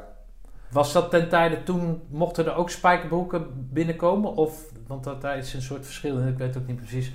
Volgens mij is het nu wel, maar het is toch ook een tijd waar, we het over, waar jij het over had, dat je eerst die Mm. AMOL moest doen, het zoveel jaar bij het luchtmobiel en dat je dan... Wat zou jij nou, stel dat, nou ja, dat hebben we lekker voorbereid weer ik. Maar stel nou dat je eh, nu spijkerbroek bent, zou jij dan iemand adviseren om eerst, zeg maar, bijvoorbeeld panzerinfanterie of eh, eerst in ieder geval militaire dienst doen en daarna Roosendaal te gaan? Of, Nee, ik zou ze, als zij commando willen worden en ze hebben dat, heel, dat doel heel duidelijk voor ogen, dan zouden ze als burger daar prima gewoon direct op kunnen inschrijven. Want volgens mij, als ik achteraf terugkijk, hebben van mijn lichting bijna meer burgers gehaald als militairen. Oké. Die gaan met een heel andere visie gaan ze de opleiding grappig, in. ja. Ja. Want als weldenkend mens, wat ik ben, zou je zeggen van nou, het heeft een voordeel als je natuurlijk, eh, nou ja, in ieder geval weet wat, wat een bivak is of zo, weet ik veel wat. ja, het heeft zeker een voordeel. Je weet hoe de wapensystemen werken, de radio's en alles. Je bent bekend met het wereldje. Ja. Er wordt ook wel wat meer van je verwacht. Maar als burger ga je met een veel Ja, oké. andere visie ga je die opleiding. Ja, dat zou inderdaad ook kunnen. Maar goed, hoe, hoe sla jij je dan door die eh, kennismakersdagen? Is geluk staat altijd als eerste over de finish en, eh, en eh, Nee, ik, eh, ik, ik, ik was altijd eh, in de middenmoot. Gewoon goed eh, je ding doen, maar niet overdreven. Ja, Doe je het dan voor jezelf? Dat- Of laat je, wil je laten zien omdat je weet hoe, hoe mensen kijken, denken te kijken? Of dat jij denkt... nou, weet je, je, je doet je uiterste best. Je doet eh, je ding zo goed mogelijk. En ik was gewoon niet een opvaller. Ik, ik was ook niet de fitste, maar ook niet de minst fitste. Ik zat er gewoon, ik zat in de goede, het goede, Oké. ja, hoe noem je dat? Ja. Ja, maar jij bent van het avontuur. Ja. Eh,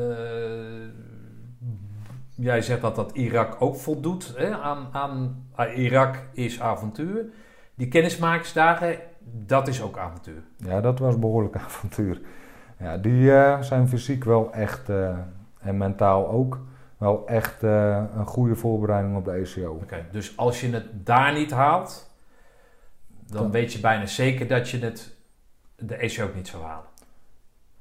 Ja, ik denk dat dat een goede spiegel is. Als jij in de KD eh, kennismakingsdagen uitvalt door een blessure, dan kan je natuurlijk niks aan doen. Nee. Maar stel je bent niet fit genoeg, dan weet je dus ik moet gaan trainen. Ja. En zeggen de instructeurs van door die en die reden krijg je geen positief advies, dan hebben ze daar een hele goede reden voor. Ja, ja, oké. En daar, daar mag je op gaan schakelen. ja. Maar zijn er ook mensen die waar ze van zeggen, nou joh, dat gaat hem nooit worden. Weet je dat? Of, of ik, ik heb geen idee. Nou, volgens mij kreeg je toen een negatief advies en mocht je het na twee jaar opnieuw proberen. Ja, ja. Of je kreeg een, een, een negatief advies met, een verbeter, eh, met verbeterpunten. Ja, dus dan wist je ook waar je aan moest gaan werken. Oké. Ja, maar volgens mij, ja, ik, het is voor mij ook alweer vier jaar geleden, maar als je zelf eruit stapte, dan wist je zeker dat je het pas na twee ja, jaar... Ja, Ja, oké. Oké. Dus daar krijg je een positief advies. ja.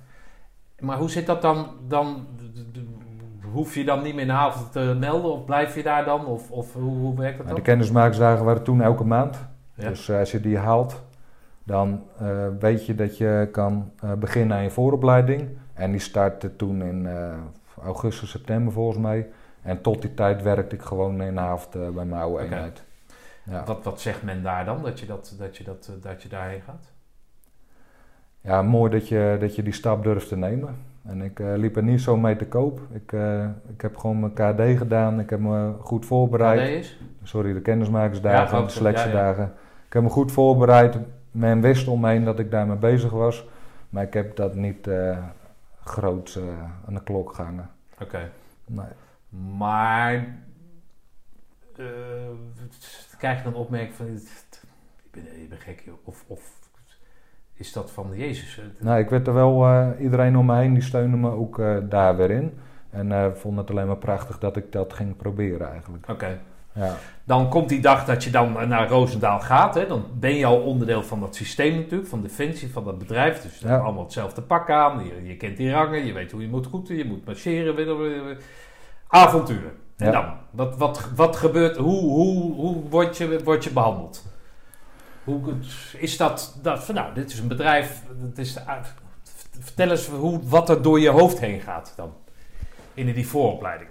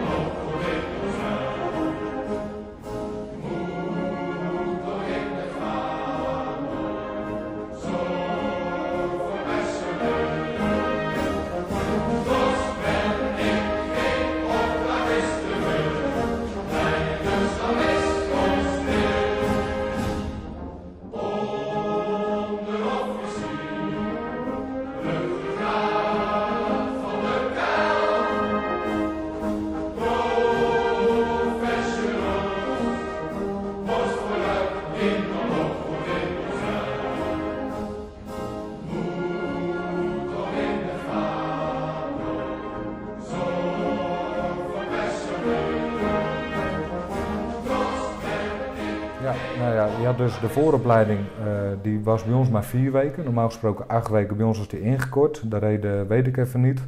En daarna zouden we dan de commando, de ECO ingaan. En voordat de vooropleiding begon voor vier weken, moesten wij met de kaderleden, dus de leidinggevende, alvast drie dagen ehm, bij elkaar komen op het tentenkamp om eh, alvast voor te gaan bereiden. Dus wij kregen daar al eh, opdrachten en dingetjes om ja, dingen voor te bereiden eh, voor als we met de vooropleiding zouden beginnen. Dus we werden daar ehm, ja, eigenlijk heel normaal behandeld. We, hebben- Ja, oké, maar dus, dus die spijkerbroeken die dan in die vooropleiding zouden komen, die konden niet marcheren. Als ze dan in Roosendaal binnenkomen. Nee, zij hebben de eerste luchtmobiele opleiding moeten doen, 17 weken. Dus zij hebben de aanloop... Oh, dus de spijkerbroek die gaat eerst naar die kennismaker, krijgt positief. En dan moet je alsnog, toen de tijd dan, Ja. in ieder geval, ik weet het nu niet hoe het is. Ja, luchtmobiel. Ja, oké. Dus, Dus die komen... die ja, eh, oké. dus dat- militaire basisvaardigheden kennen ze. ja, oké. Ja. Dus zij gaan vooraf eerst testen of, en dan gaan ze... Ja, Ja. oké. Dus iedereen die daar in die vooropleiding zit, die kan in ieder geval soldaatje Ja, spelen. Hoeft er daar, geen, daar niet meer voor op te laten Ja, oké. Oh nee, dan snap ik hem nu. Ja, oké. Oké. Die vooropleiding? was top. Dat zou eigenlijk elke militair zou die moeten doen. Gewoon omdat je daar bepaalde vaardigheden leert. En een bepaald opwerktraject hebt fysiek. eh, dat je echt gereed bent om die commandoopleiding te starten. En die zat voor ons echt heel goed in elkaar. Al duurde die maar vier weken, maar dat, dat is echt een goede voorbereiding geweest. Maar wat, hoe ziet dat opwerken er dan uit? Dat, dat, dat- van een nulpunt... Ja, van een bepaald startniveau, wat er al van je verwacht werd, werden we fysiek door bepaalde sportmomenten en, eh, en door eh, afstanden te marsen en zo met bepaalde kilo's werden we echt fysiek voorbereid. Ja. En mentaal werden we vooral voorbereid dat iedereen in dezelfde richting dacht en de belangrijkste dingen allemaal hetzelfde deed. Oké. Ja. Dat, is, dat is wel mooi inderdaad. Want hoe doe je dat in godsnaam? Geen idee. Wat hè? Nou ja, hoe, hoe doe je dat als kader om dan zeg maar al die mensen die allemaal die ambitie hebben natuurlijk. Het is geen dienstplicht, het zijn allemaal mensen die ervoor gekozen hebben. Je hebt daar die kennisdagen op losgelaten. Maar dan moet je voordat die mensen die ECO ingaan, moet je ze dus zo ver krijgen dat, je, dat, dat in principe iedereen die aan die ECO begint, eigenlijk die ECO zou kunnen halen. Toch? Ja. Dat, dat is de, het, het, de bedoeling van die vooropleiding, Ja, toch? precies. Ja, en daarin vallen ook al mensen af met blessures of die dan toch gaan nadenken. En we hadden daar ook mensen van de technische dienst, logistiek, alle andere wapendiensten waar kwamen ook. Dus inderdaad, in die vier weken werden we allemaal de dingen die we in de ECO moesten weten, kregen we in die vier weken alvast aangereikt. Ja, oké. Ja. Hoe is die sfeer dan? Is dat, is dat gespannen of is dat... Is dat eh, Nee, die vooropleiding eh, was eigenlijk de sfeer niet heel gespannen. Want er werd ook best wel rustig met ons omgegaan door de instructeurs. En af en toe, als het moest, dan gingen we echt wel eh, goed aan het gas. Maar er werd gewoon heel normaal met elkaar omgegaan. Dus die spanning, iedereen wilde goed voorbereid aan de ECO beginnen, maar de spanning was nog niet heel hoog. dus er is... Die omgangsvormen die, die zijn niet Waren zoals echt vroeger. super, Het was gewoon echt met top. respect als vakmensen onder elkaar. Hebt die groene bret allemaal niet, maar Ja. dan ga ik jou voor klaarstomen. Ja, Het, eh, kijk naar me, ik wil je helpen. Dat, dat was het. ja, Oké, dat is mooi.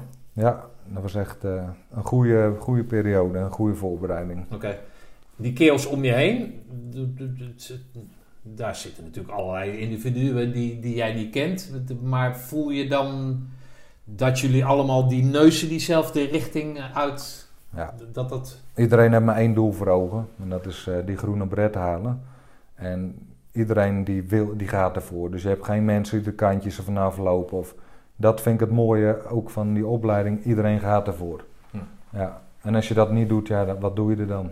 Dan kan je beter eh, weer terug gaan naar je eigen eenheid. Of, je Die kennismakingsdagen zijn dus dan zo eh, professioneel in elkaar gezet dat daar geen dissonanten in, in die vooropleiding zitten. Dat, dat je in alles merkt dat het door een safe is gegaan. Dat allemaal hetzelfde, ambitie in ieder geval is. Ja, die, die kennismakersdagen zijn echt een hele goede filter. En in de vooropleiding heb je natuurlijk glippen daar ook mensen doorheen. Maar in die vooropleiding aan het eind eh, krijg je ook nog een gesprek met een instructeur. En die weten dan op dat moment ook echt of dat jij klaar bent ervoor of nog niet. Oké. En volgens mij, dat weet ik niet heel goed meer, maar zijn daar ook nog mensen ehm, niet doorgelaten richting de ECO. oké. Ja. Met zoveel start je dan in deze show? 33 waren wij. Met eh, vier ka- eh, vijf kaderleden. Vijf eh leidinggevenden. Ja. Dus door die vooropleiding eh, en, en, en het aantal mensen en het kader of het, het, het, de, de, de, de, de opleiders, zeg maar, Mhm. ehm, is er geen kans op ontsnappen. In de zin van dat ze je niet kennen of wat dan ook. Nee, helemaal omdat we gewoon... Het instructieteam was volgens mij met ongeveer een stuk of acht man. Ja, en op een gegeven moment ben je nog maar met 33. Dus dan, ja, Ja. dan houden ze, hebben ze je echt wel onder de loep. Ja, Ja. En dat was ook wel de druk die ik in de vooropleiding al voelde. Ik was natuurlijk als leidinggevende, kwam ik daar eh, binnen. De andere leidinggevenden waren wat ervarender leidinggevenden. Eh, een kapitein, een luitenant, een sergeant 1. Ehm, daar keek ik wel een beetje tegen op. Dus ik voelde daar al een lichte... maar hoe oud was je dan? Als je nog niet zo oud is. Even kijken. Je bent nu 26, 27? Ja, 27, hè? 27. Dat is vier, eh, vier, vier en een half jaar geleden. Ja, oké. Dus dan, dan 22 of zo. 22, Ja, ja. oké. Dus dan ben je nog niet echt oud. Nee, Nee, oké. nee. Een stukje- kapitein is natuurlijk, omdat hij die rang heeft, al wat ouder. Ja, ja, Ja, die zaten er al wat langer bij. En toch keek ik een beetje tegen ze op. Dus ik voelde wel een bepaalde... Nou ja, je Druk. bent de laagste rang van de leidinggevende, toch? Ja, Ja, en sergeant 1 duidt op dat hij minimaal 10 jaar in dienst zit of zo. minimaal vier inderdaad. eh, ja, maar het kan ook al langer. Ja, oké. Oh ja, dat is, dat is natuurlijk nu anders, ja. Ja. Oké, Oké, en dan, dan, dan voel jij die, die druk, hè, omdat je leidinggevend bent. Daarom ben je Ja. ook drie dagen eerder opgekomen. En dan, dan, dan weet je dat, je dat er het een en ander van je verwacht wordt. Hoe zit dat dan met, met dat avontuur als je die ECOE gaat? Dat dat begint nu. Hè, Die, die moet straks op, eh, veel wat. Weet ik toch uit mijn tijd. Toen was het echt, Ja. dus dat was een tijdje. Toen echt. Kwam met z'n tweeën binnen. Nee, maar het- hoe, hoe, hoe voel je dat dan? Hoe sta je dan scherp? Ben je, ben je, ben je, ben je- Je staat echt keihard op aan. Je staat echt op 100% focus. Ja. En ik keek daar ook wel behoorlijk omheen hoe die andere leidinggevenden het deden en hoe ze ermee omgingen. En die gingen er toch wel iets meer ontspannen mee om dan ik dat deed. Ik keek een beetje te veel eh, tegen ze op, denk ik. Een beetje te onzeker. Dat is ook de reden straks waar we straks niet op komen. verklappen, Hans. Kom op nou. We hebben het doorgenomen en dan ga je toch voor... Ja, het is toch ongelooflijk. Moeten we helemaal... Nee, goed, dat, dat, dat snap ik. Maar dat komt natuurlijk ook door je leeftijd. Ja, 100%. Toch? Maar, waar- maar zo'n spijkerbroek, die moet natuurlijk ook... Hè, want die, die, die, de neus staan in dezelfde richting. We zijn nog maar met 33. ja, Godverdomme, die, die lui die ons begluren, dat zijn er wel heel veel. Iedereen kijkt naar je natuurlijk. Maar waar haal, weet je wel, de- de- als je bijvoorbeeld de eerste nacht gaat slapen, maar mits je mag slapen natuurlijk, maar, maar ben je dan, kan je dat van, die rustmoment, hoe, hoe doe je dat dan? in de ECO bedoel je? Ja, want wij, wij begonnen met, met, weet ik veel, 100 man of zo. En er was, ik denk ook een mannetje of zes of acht kader. Ja, dan, in die eerste week, als, als, dan vielen er natuurlijk mensen af. Ja. Maar dat mag, bracht wel dat je natuurlijk af en toe nog eens achter een boom kon staan. Of, sorry man, dat was ook keihard. dat was echt, echt niet normaal. Nee, maar snap je? Dus, en, en dan op een gegeven moment slinkt dat. Dus dan kennen mensen, hè, dan, dan Ja. kunnen ze je ook testen. Maar als je met 33 man, ja, dan kan je nergens verstoppen. Want hè, je hebt ook nog een makkelijk achternaam. Ja, waar ook wel geintjes over gemaakt worden natuurlijk. Ja. Dus, dus, dus, en je bent dan ook nog leidinggevend. dus... Hoe, hoe, hoe, hoe, spuit het over uit al je gaten van je lichaam? Die, die, die, die, de, de drang om je... Kom maar! Ja, je doet echt alles wat mogelijk is om gewoon je dingen goed te doen.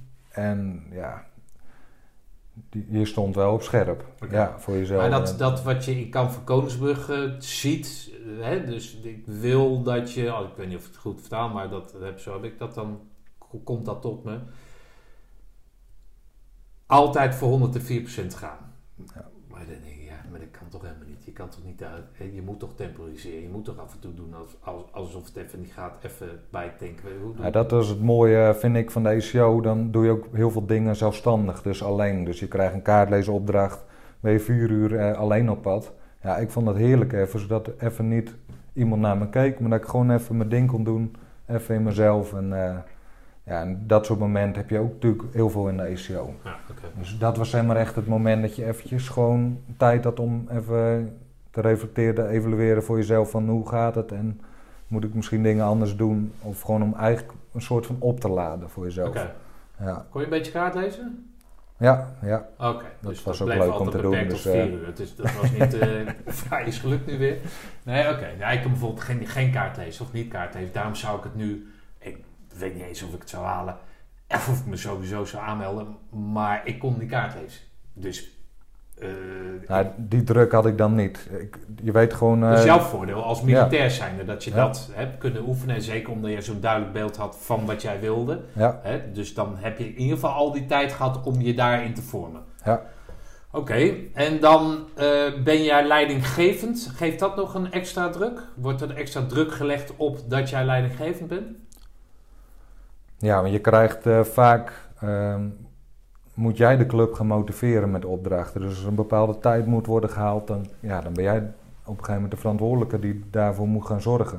En natuurlijk, elk individu moet daarvoor zorgen. Maar als leidinggevende wordt verwacht wel dat je een bepaalde sturing geeft. En Er wordt van jou verwacht dat je altijd omkijkt naar je mannen. ja, en gewoon de leiding ook pakt. Ja, ja, en dat is logisch ook. Ja, Nee, oké, maar ik kan me ook voorstellen dat, dat er situaties zijn, noem maar wat hoor, maar dat, dat een, dat een niet-leidinggever dat pakt. ja maar nee, Moet jij dat altijd pakken omdat je leidinggevend Ze verwachten dat van je, ja. maar soms zeiden ze ook van eh, nu even je, je mond dicht, dan verwachten ze het van iemand anders eventjes. Oké, Ja. Maar we hadden ook de cursus van dienst. Ja. Dat is, zeg maar, die is overal verantwoordelijk voor. Ja. Die moest ook eh, alles aanmelden en zo. Dat was ik in week twee. Dus Oké. ik had wie week, was dat in week 1 dan die kapitein? Dat, dat weet ik niet meer. Ah. Nou, dat zou goed kunnen inderdaad, een van de, van de luitenanten of kapitein. Ja. Voel je dan, ja natuurlijk voel je dat, want dan, je weet dat, maar voel je dan dat je getest wordt? Ja. Ja, snap, je ook, snap, je ook alle, snap je ook alle dingen die, hè, denkt van ja, dat doen ze natuurlijk, om, of heb je daar helemaal geen tijd voor of geen ruimte voor in je hoofd? Wel, want ik had in week 1 had ik ergens iets met een instructeur tijdens een GV-moment, geestelijke verzorging. Dat is even een momentje dat je met eh, een eh, dominee van Aalmoezenier eventjes met de hele club kan ontladen. Chocomelletje drinken, snickers eten enzovoort. En daar hadden we ook heel even tijd om met de instructeurs te praten. En daar heb ik iets van laten vallen dat het me als leidinggevende dat ik wel onzeker was. Dat, dat ik wel die druk heel erg voelde. Dat was op vrijdag en maandag was een cursus van dienst. Dus dan weet je gewoon van ja, ze gaan nu kijken, gaat hij ervoor of gaat hij er niet voor? Ja. En op maandag of op zondag, nee, op maandagochtend toen we hadden die nacht al, eh, eh, zaten we al op tentenkamp. En maandagochtend stond ik klaar in het donker om eh, de boel aan te melden voor inspectie. En toen kwam er een instructeur naar me toe en die zei, Je hebt geluk. jij gaat door. Zei hij. hij. Hij zei niks meer, hij zei jij gaat door.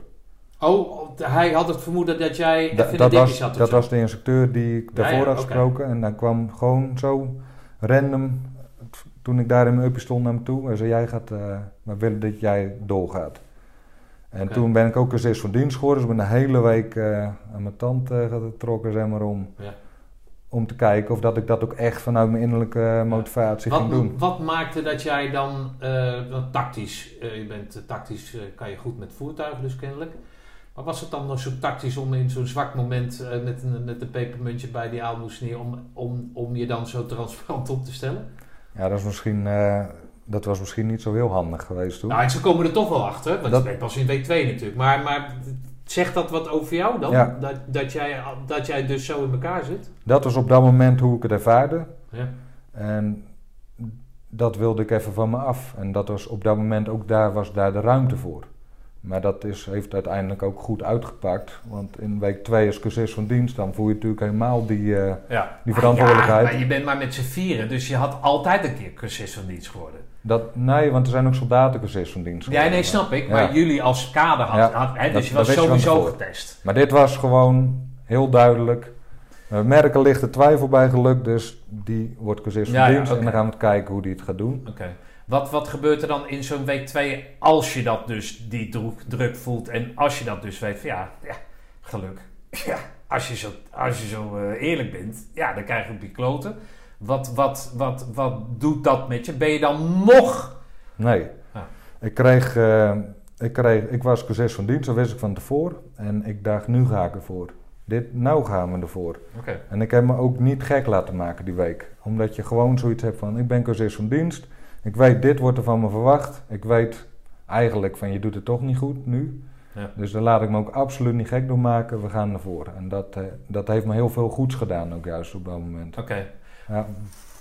Is daar dan, hè, omdat, je, omdat, je, omdat je vertelt dat, daar, dat die, die verhoudingen zo normaal zien. Ik, ik, het kan voor Koningsbrug, blijft er maar op terugkomen. Maar Mhm.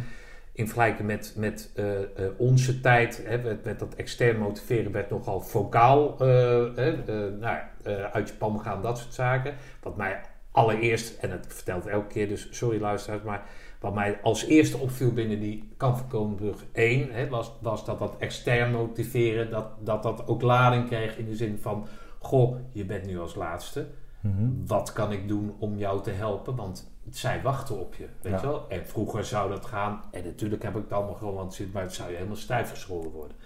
Wat krijg je dan in zo'n week waarin jij weet dat je dus getest bent, of je nou transparant of eh, eerlijk bent geweest, even een zwak moment, maakt me fuck uit.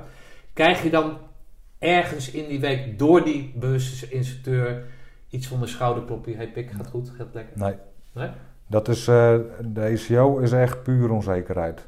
Je weet het programma niet, je weet niet hoe je het doet. Je, je, weet, je moet het gewoon echt op je eigen drive doen. Ja, en dat is ook wat ik wel mee zou geven aan mensen die eh, commando willen worden. Onzekerheid is funest. Als je ook maar een grammetje onzekerheid meedraagt, van wil ik het wel of niet, dan gaat dat er geheid in de opleiding gaat dat eruit komen en ga je stoppen. Nee, maar daarom, daarom Ja. vraag ik het. Weet je wel, omdat jij dus zo te eerlijk hebt opgesteld. Ja, Ervan uitgaan dat, dat ze het toch wel getest hadden. Maar als je dat dan zelf vertelt, weet je wel, dan, dan zou je kunnen verwachten dat, dat er dan iemand is. Hey, geluk. Doe je goed, man. nee, nee, dat doen ze niet. En dat had je ook niet verwacht. Nee, had ik ook niet verwacht. Ehm, en ik kreeg juist toen de rol als gezist van dienst en dat was perfect, want toen dacht ik, nou gaan we ervoor. Ja, oké. Dus als jij dan vrijdagavond thuis bent, daarvan uitgaan, mocht je dan die week naar huis? Eh, ja, week twee eh ja. Dus dan, dan moet je het helemaal van jezelf hebben. Ja, Heb je dan het gevoel, heb je dat gevoel dan voor jezelf weggenomen van, eh, heb je het gevoel dat je bewezen hebt naar jezelf toe? En naar anderen, Ja. maar vooral naar jezelf? ja, ja. Dat, die om, dat omslagpunt van we gaan ervoor, dat, dat is het. Dat is echt belangrijk ook geweest. Oké. Ja. En ik had met mezelf afgesproken van tevoren, ik geef nooit op. Dus ik ga niet aan de bel hangen als ik het zwaar heb. Als ik stop, dan doe ik dat in het weekend. Of eh, als je rust hebt. Dus een heel overwogen besluit. Dat Ja, er met- is nu een bel, hè? Ja, Een zoals die Amerikaanse. Maar Ja, is, is dat toch? als je de bel eh, trekt, dan is het direct klaar. Ja, dan, is het- dan is ook geen weg terug meer, dan ben je eruit. ja, oké. Maar dat, die was heel verleidelijk. Dat zagen gewoon week 1 werden volgens mij een stuk of 10, misschien nog wel meer, die dus aan de bel hingen. En ja, dan is heel makkelijk natuurlijk als je het zwaar hebt. Ik hang aan de bel en is het klaar. Maar ja, je kan niet meer terug. In week 1 al 10. Ja, Dus dan, die, die, eh, die instructeurs zijn nog steeds met z'n achter, die blijven met z'n achter. ja, En dan gaat het, eh, dus dan was het bijna eh, één instructeur op twee, twee, twee cursisten. ja, die wisselen elkaar natuurlijk ook af. Nee, maar inderdaad, maar, die- ja. ja, je, je, Dus die, die, kan je die, niet die, drukken. die aandacht die wordt alleen maar groter. je kan je niet verstoppen achter een Ja, boom. ja, oké. Oké, nou, dat- dus, dus dan heb je in week 2 heb je naar jezelf bewezen. Ja. Hoe ga je dan, eh, ik gaan, we gaan echt niet al die weken in, maar het gaat mij even om hoe je dat dan, hoe je dan, wanneer je sterk voelt, sterker voelt worden, hè, die onzekerheid, nou, dat, is, dat knaagt natuurlijk. Ja. Maar je kan je daar niet tegen wapenen, maar je kan je ermee verzoenen. Of je kan, zoals jij hebt, naar jezelf bewezen van, nou, zie nou Pikkie, ik kan het best wel. Ja. Ja, dat heeft me heel erg geholpen die andere week ook. En eh, ja, dat innerlijke drive is dan gewoon het belangrijkste wat er is. En dat heeft me heel erg heel ver die opleiding in geholpen. Oké. Ja, en natuurlijk ga je een keer op je plaat omdat je niet eh, de tijd haalt of weet ik veel wat. En, maar ja, die innerlijke drive die is wel heel belangrijk geweest. Hey, die, eh, die bel, hè, als jij zegt van dat er tien mensen... Heb, heb jij, heb je, ik vraag heel vaak aan kerels wat, wat hun favoriete dieptepunt was. Hè, dat staat dan... Wij, wij hadden geen bel. eh, ook niet nodig trouwens. Nee, maar in ieder geval, eh, die bel staat voor... Nou, ik, ik ben er echt klaar mee. Ja. Weet je wel? Dat- heb jij zo'n dieptepunt gehad in die eerste paar weken... waarvan je dacht van, nou, waar is die bel?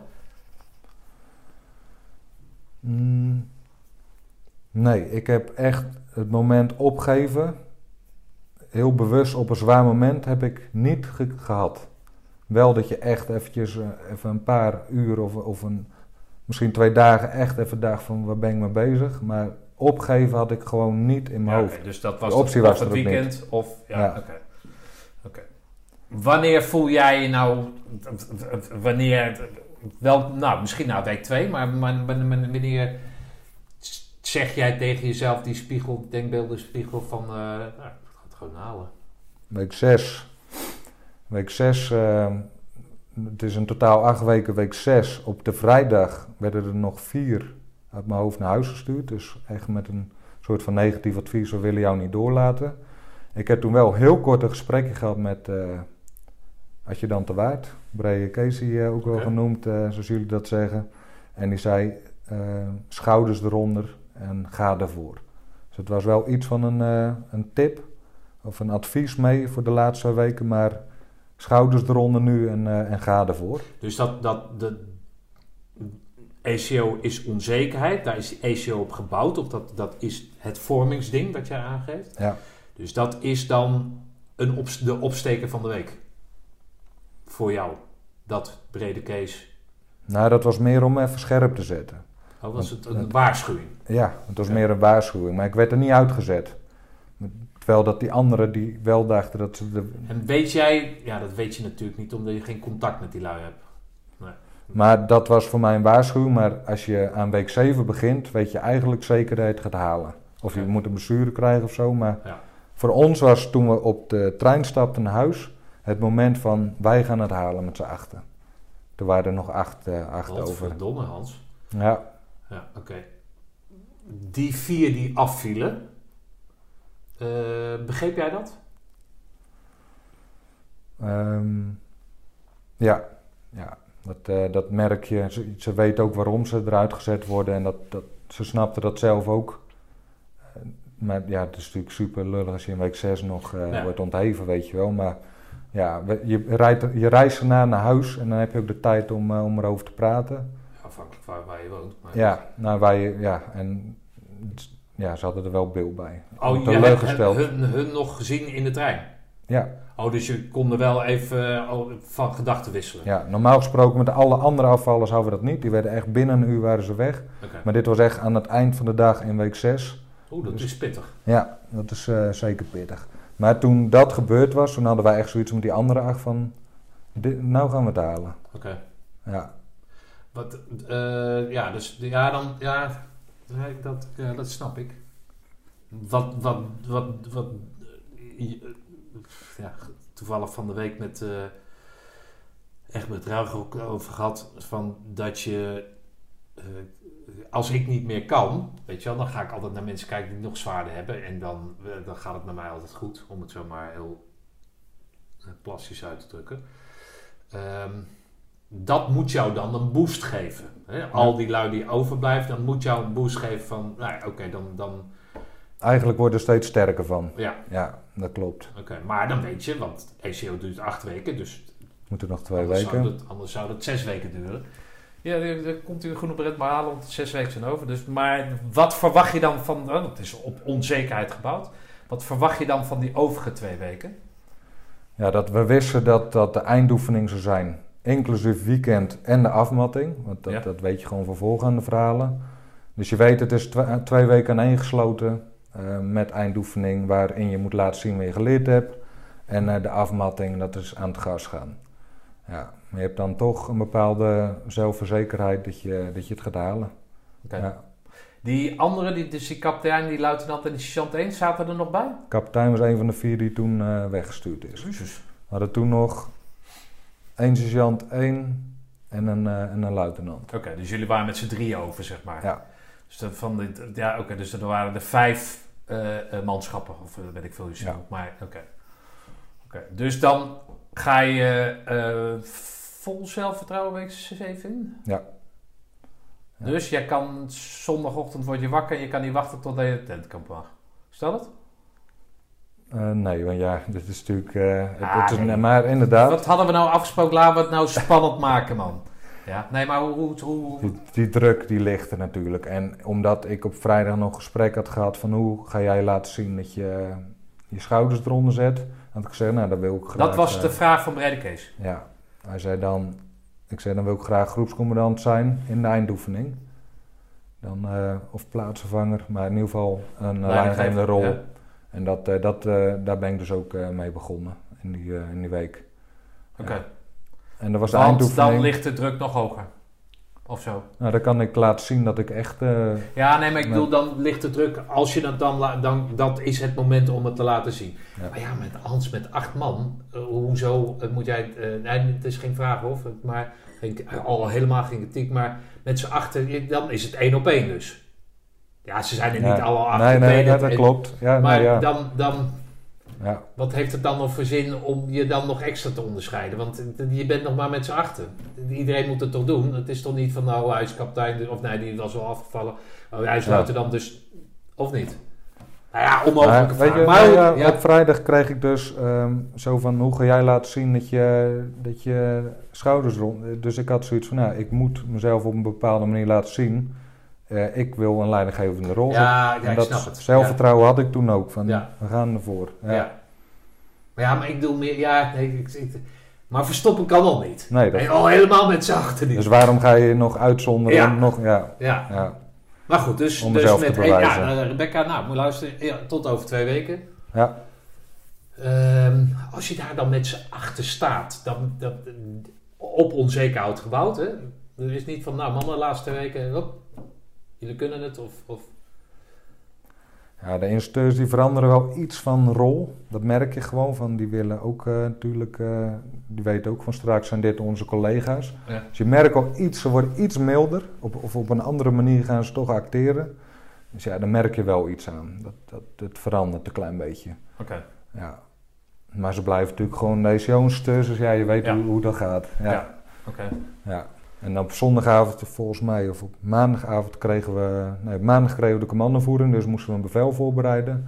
Ja, hebben we helemaal voorbereid. Maandagavond zijn we naar Havelde gereden, dus mijn eigen achtertuin. Oké. En eh, op dinsdag, of maandagnacht, zijn we gaan verplaatsen door het oefterrein. En daar hadden we zo lang over gedaan dat we nog maar drie uur eh, nacht hadden, dus drie uur duister, om ons in te graven, zodat we niet meer zichtbaar waren.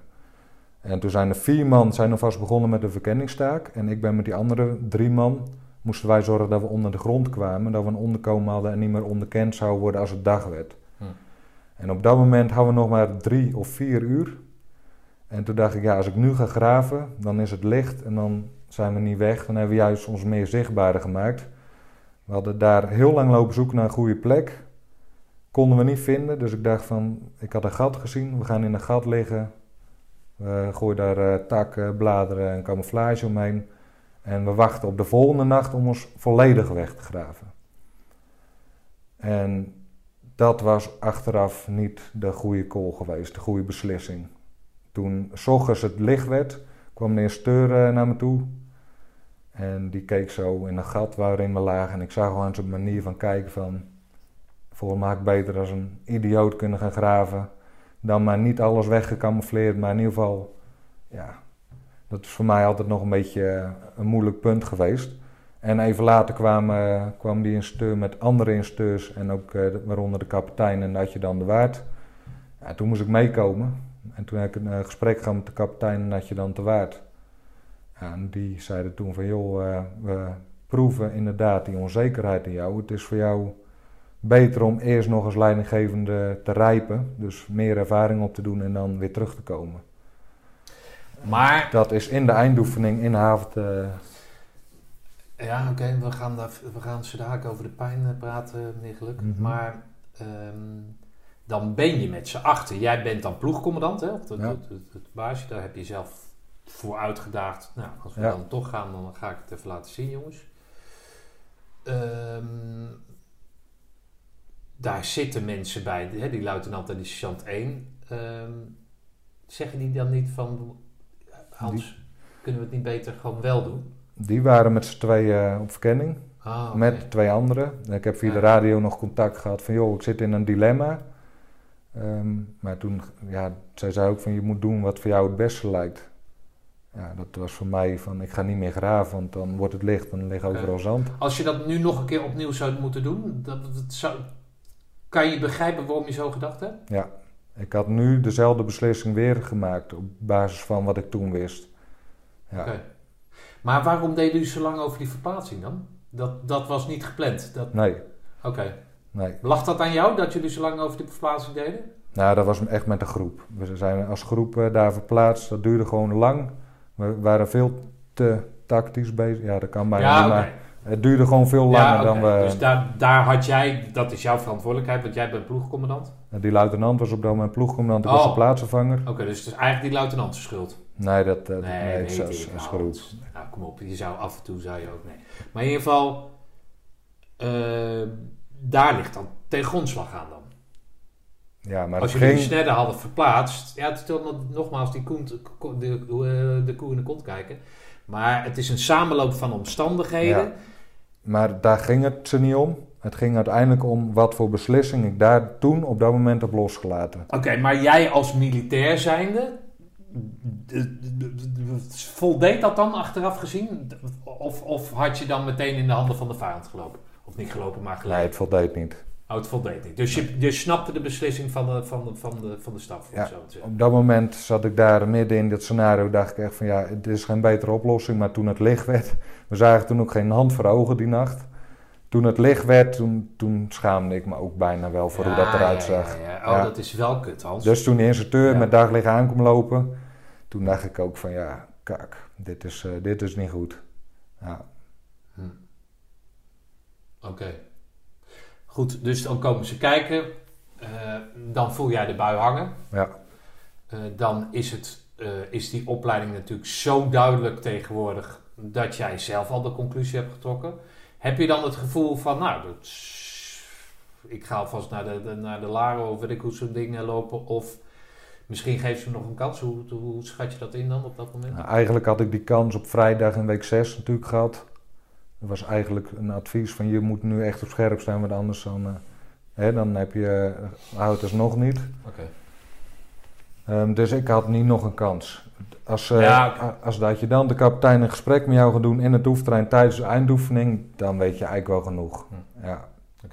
Hoe, eh, hoe- wat, wat, hoor je die man dan nog praten? Of ben je... Nou ja, ik weet dat moment nog heel goed. Ik eh, brak ook op dat moment van, goh, wat ben ik ook, wat kut dat dit nu gebeurt. Ehm, en zij probeerden, zij hadden, ehm, ze waren zo aan het praten eigenlijk dat ik zelf zou stoppen, omdat het uit eigen overweging, ik het ook wel in de gaten had, dat het voor mij beter was om op dat moment te stoppen. Maar ik, had voor mezelf zo sterk van, ik ga niet thuiskomen met dat ik zelf heb opgegeven. Toen zei ze, ja, dat snappen we, we ontheven jou nu hier uit de opleiding. En toen was het ook klaar. Ja. Oké, maar jij, even nog terug en daarna hou ik er wel op. Maar wat jou moet sterken, denk ik. Ik hoef jou helemaal niet op te buren, heb je helemaal niet nodig. Maar wat jou moet sterken is dat je nu nog steeds zegt, gezien de omstandigheden, te trage, te trage verplaatsing en geen hand voor oog kunnen zien, snap ik de beslissing nog steeds. Ja. Ja. Ja. Dat dat anders uitwerkt, dat is een ander verhaal. Maar het, het, Ja. is, het is een fout geweest. Je zegt dat je fout bent geweest. Ja. Aan de andere kant had je misschien... Nou, je zal vast een, een, een, schep in de grond hebben, maar misschien was je na een halve meter eh, op, op eh, genieten. Dat weet je ook eh, niet. Weet je ook niet. Dus dan hadden ze ook... wat ben jij nou aan het doen? Hoezo, hoezo ben je 30 centimeter diep gegaan? Maar je hebt drie uur de tijd gehad. Dan had je er ook uitgelegen. Nou ja, dat weet ik niet. Weet je, Nee, maar dat weet je niet. Nee. Maar dat... Maar misschien, weet je, ik had daar voor safe gekozen. We, we pakken nu onze rust, we camoufleren het af, we pakken onze rust en we gaan de volgende dag gaan we Ja. de grond in. Maar ze hadden gewoon liever gezien dat ik eh, gewoon de Nou, beslissing maar wat nou als erop. beslissing en je had de grond niet ingekund? Ja, dat, ja. Nee, maar dat weet je niet. Maar dus, hadden- dus dat, dat... En, maar dan de, de, de, de, de, de, de meest eh, eh, prangende vraag die ik op dit moment dan heb is... Als zij dan zeggen, we, we hebben liever dat je nog wat ervaring extra gaat opdoen. Die ervaring, die heb je nu. Maar zou je dan een andere oplossing gekozen hebben dan? Met die extra ervaring die je nu hebt opgedaan. Want dat, het is zo'n klein... Zo'n klein... Het is een, het is een, gevolgen. Het maar- is een klein incident wat voortkwam, of wat kenmerkte, wat ik de rest van de opleiding ook had laten zien, dat was onzekerheid. En die onzekerheid kwam daar weer naar voren. Ik ging voor safe. Ik dacht van de volgende Ja, nacht hebben we genoeg nacht om te graven. En op dat moment koos ik weer voor de veilige keuze. Ik camoufleer het af en we gaan geen risico nemen. Ja. En dat is misschien iets wat ik de hele opleiding een beetje heb laten zien. Zou je dat nu niet meer doen? Nu, met de ervaring die je nu hebt opgebouwd en ook leeftijd, gewoon levenservaring, zou je niet meer die onzekerheid hebben die ik toen wel had. En tuurlijk, die spanning blijft, maar dat onzekere, misschien een beetje besluiteloos, dat is echt nu, door je ervaring, is dat wel veel minder of, of weg. Ja. Oké. It's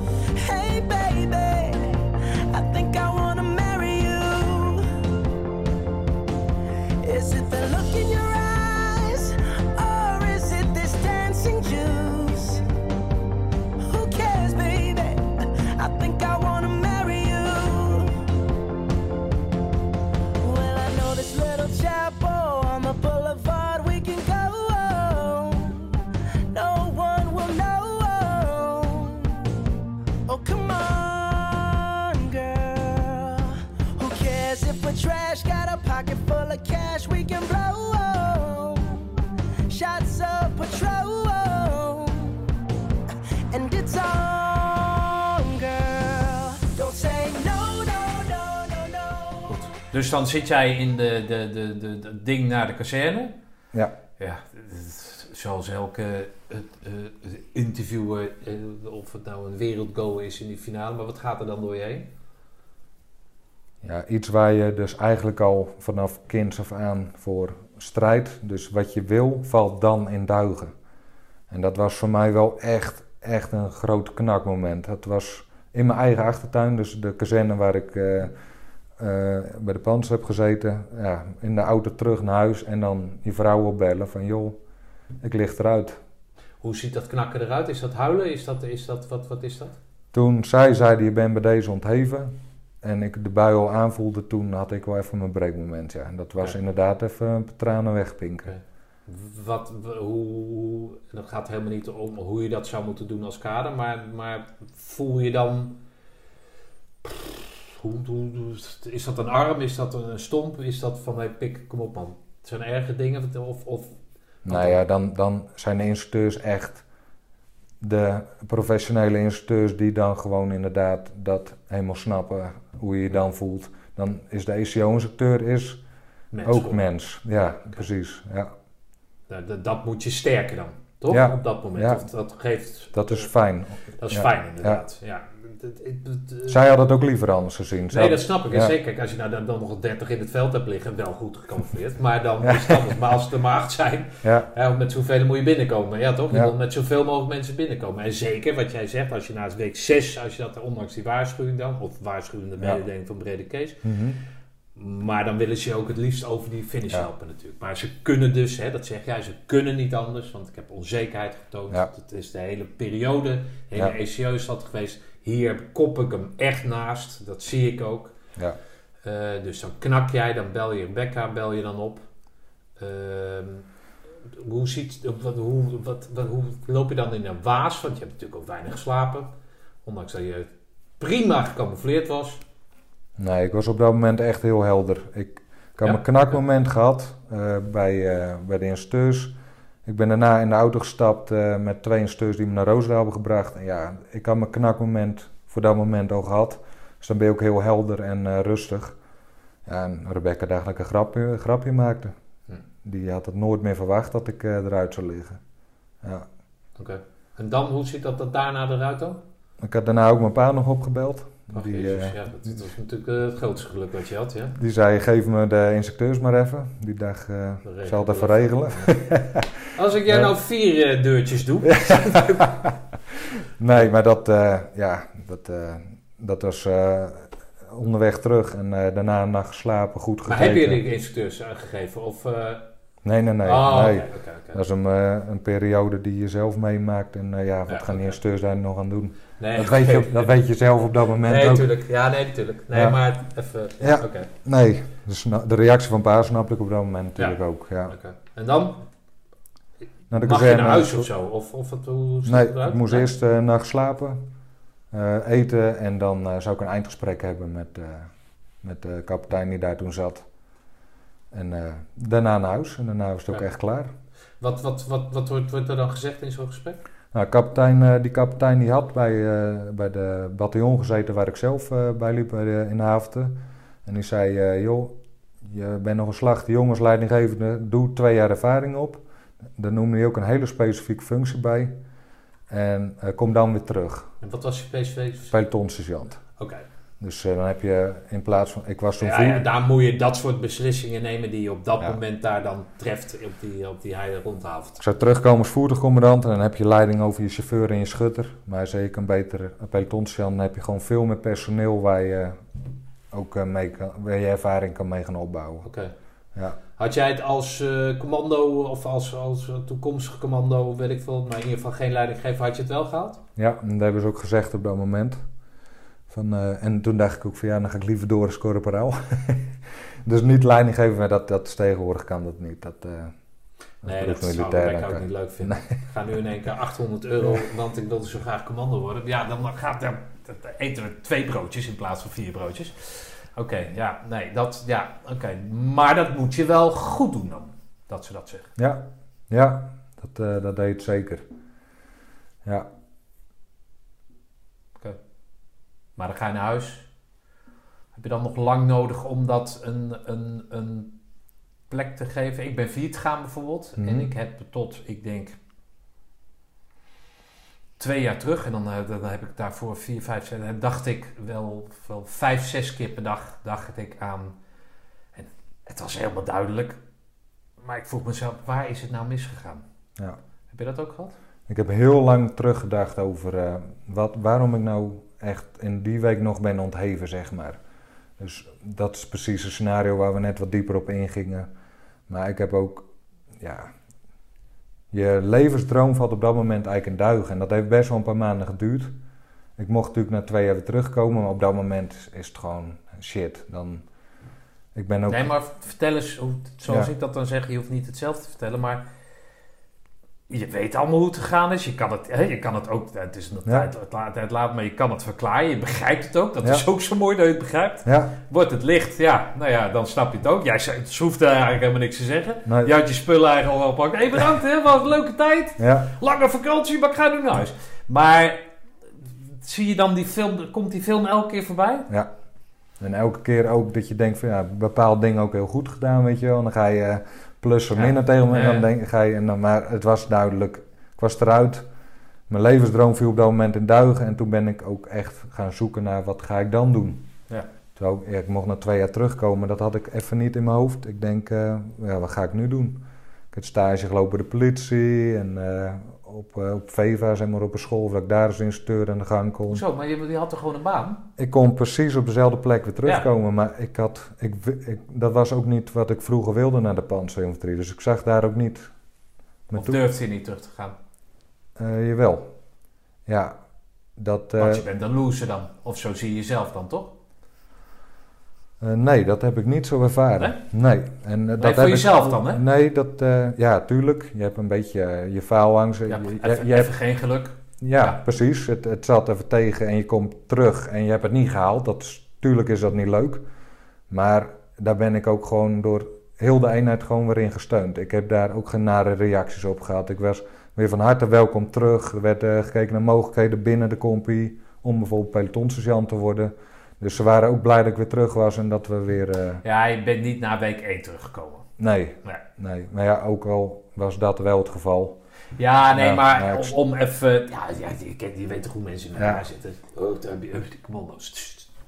Dat is ook zeker eh, wel een paar keer gevallen natuurlijk. Ja, nee, maar eh, goed, als je week 6 blijft, week 7 dan, dan, dan... En het verhaal gaat natuurlijk snel, dus dan... dan Oké, dan Maar- is het mooi dat er dus eh, eh, op je eigen onderdeel een soort vangnet is. Ja, 100%. Ja, dat is het voordeel van, eh, Als je richting de commandoopleiding gaat, als je uitvalt, kan je direct terug naar je oude eenheid. Ja. Ja. Ja. Maar ik wil toch nog even weten. maakt dat je gek? Die, die, die, die van. Ja, nee, maar Hans, nee, maar dat deed toch hartstikke goed. En, ja, maar dat van. Dat je dan. Hoe heb ik dat?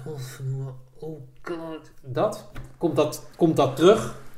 Nou, ik heb, Of ja. heb je het op een gegeven moment een plek. Nou, nou Hans, nou kappen nou. Nou, dat Eh, duurde dus best wel lang. Ik heb Ja. best wel veel gedroomd ook, want het, ja, het is een hele intensieve periode. Eh, maar ook elke keer weer nadenken van als ik dat nou net iets anders had gedaan, of eh, daar heb ik toch wel dingen goed gedaan. En elke keer ga je weer excuses verzinnen, of excuses, maar dingen verzinnen van ik had het graag wel willen halen. Maar ja, ik had ook heel goed in de gaten dat het gewoon goed was zoals het is gelopen. Maar ja, dat- het heeft gewoon wat met je gedaan en dat heeft echt wel een jaar geduurd. Hm. Ja. Oké. Maar dat maakt dus dat je, dat je, nou je weet dat je welkom bent, eh, maar dat je dus gaat oriënteren Ja. op, op andere dingen. Heel erg eh, heb ik dat gehad. Dus ik was weer goed opgevangen bij de eenheid. Ik kreeg een nieuwe functie aangeboden, precies ook welke ik moest gaan doen. Maar ik ben toch heel erg omheen gaan kijken van wat wil ik dan? Ja, en dat was ook een beetje de periode dat ik ehm, ook... Ik was natuurlijk getrouwd. Ik, kreeg, ik had een huisje, boompje, beestje. We hadden een hond. eh, we hadden samen hadden we het gewoon goed. Eh, wil ik nog wel na twee jaar terugkomen? Wil- Wil ik dat op dit moment wel? En dat ging steeds verder weg eigenlijk. Ja. Maar je wilde het wel. Dat was toen je daar zeg maar Roosendaal achter je Slotenpoort, toen had je wel zo nou, I'll be back. Ja. Ja. Als ik nu vrijgezel was, had ik ook 100% was ik weer volgegaan. En ik Ja. zou ook heel graag, de op, al was het alleen de ECO, gewoon nog een keer doen. Ja. Om gewoon voor mezelf eh, Ja, zoiets te hebben van ik, ik heb het gehaald. Maar dat, eh, ik ga het niet meer doen. Dat, eh, daar heb ik heel bewust voor gekozen ook. Ja, oké, maar we zaten nog even in dat traject. Dus je gaat bij de politie, je gaat overal oriënteren. Ja. Op, op zoek naar een vervanging voor dat avontuur? Of hoe, hoe ziet dat eruit dan voor jou zelf? Op zoek naar invulling voor een gat die ineens geslagen is. Dus een jongetjesdroom die ik heel mijn leven heb gehad, niet gehaald en dan val in een gat. En hoe ga ik dat opvullen? Ik heb nooit de ambitie gehad om door te gaan met Panzer of een luchtmobiel. Ik wou alleen maar naar Roosendaal, dus dat was een gat.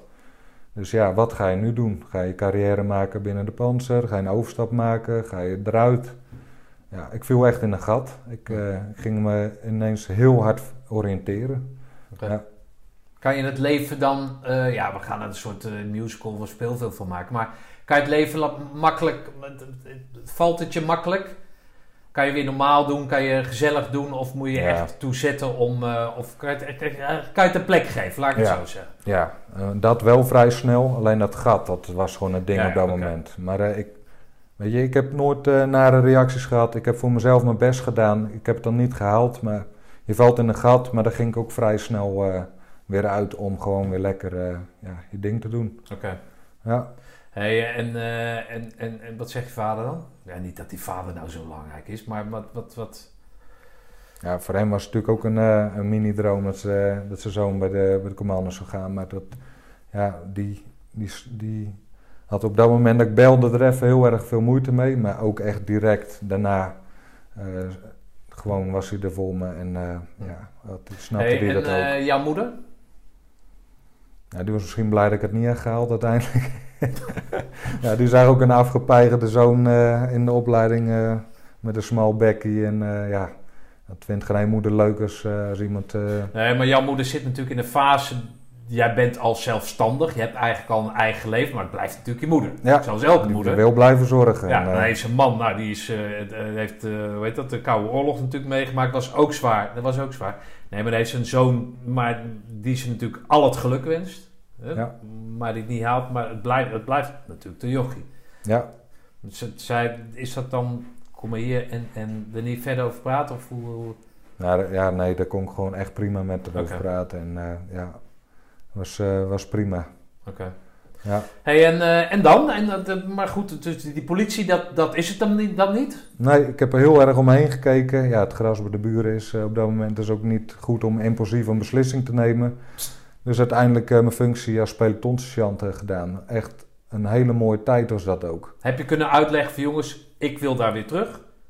Dus ik wil pelotons, ik wil geen bevelvoerder worden over zo'n... Ik wil ik vervolg hier mijn carrièrepad naar Roosendaal. Dat heb je kunnen uitleggen. Ja, En daar hebben zij aan in meegewerkt. ja. Ehm, ik zei van deze functie, dat is nu een goede functie voor mij om, eh, om eh, te gaan ontwikkelen in, leidinggeven, in leidinggeven. Nou, ze hadden daar de vacature. En ze zeiden ook van, joh, dat is eh, echt een hele mooie plek voor jou ook. Dus daar gaan we je ook op plaatsen. Dat was echt heel snel geregeld. Oké. Ja, Dus En- je was in principe weer klaar om het avontuur aan te gaan. Ja, dan- Ook al zou dat twee jaar duren, maar goed. Ja, dat, je eh, ook al ik had een goede. Je bent je hele leven er al mee bezig geweest. En Ja. eh, je bent er ook gewoon dus twee jaar.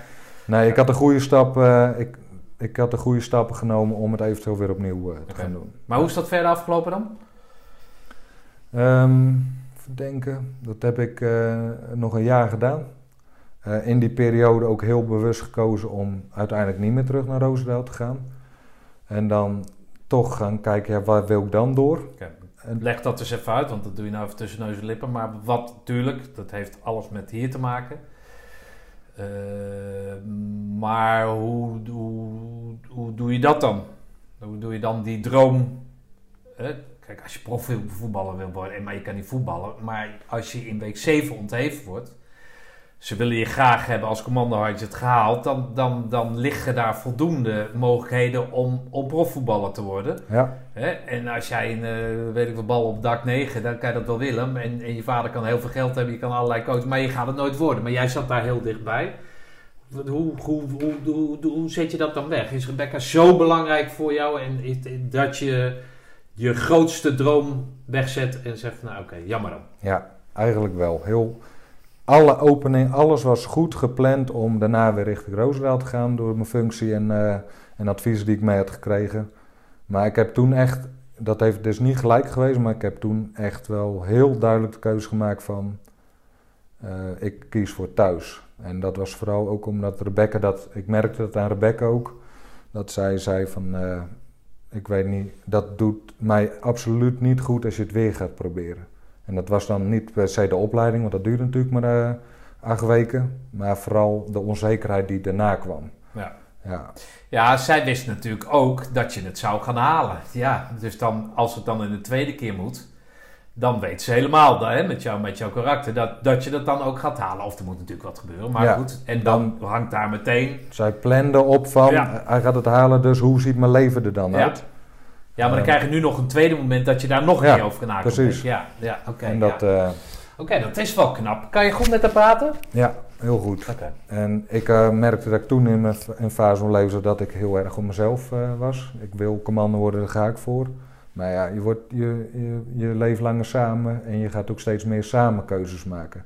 Ja. ja en voor mij was, is mijn thuissituatie zo belangrijk geworden dat ik eigenlijk dat boven een carrière in Roosendaal kies. Oké. Terwijl ik dat misschien ook voor heel veel mensen ook prima te combineren is. Maar ik voelde aan dat dat voor mij eh, Nee. niet zo het geval was. Nou, dat is toch mooi dat je wel overwogen en in gesprek gaande met je vrouw, dat je daartoe besluit. Toch? Ja. Ja, Dat lijkt me mooi. En daar ben ik ook heel blij mee, nog steeds achteraf. Ja, nu vier jaar verder en eh, ik ben blij dat, we dat, dat, eh, dat dit zo gelopen is. Ja. Oké.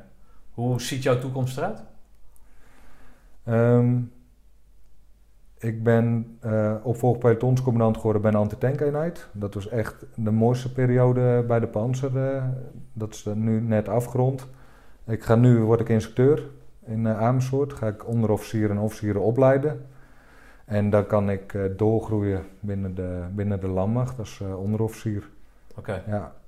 Maar al die dingen, die heb je nu afgestreept, die politie en, en dat, dat gas, dat weet je dat dat groener is. Ik, maar dan eh, laat je lekker groen zijn.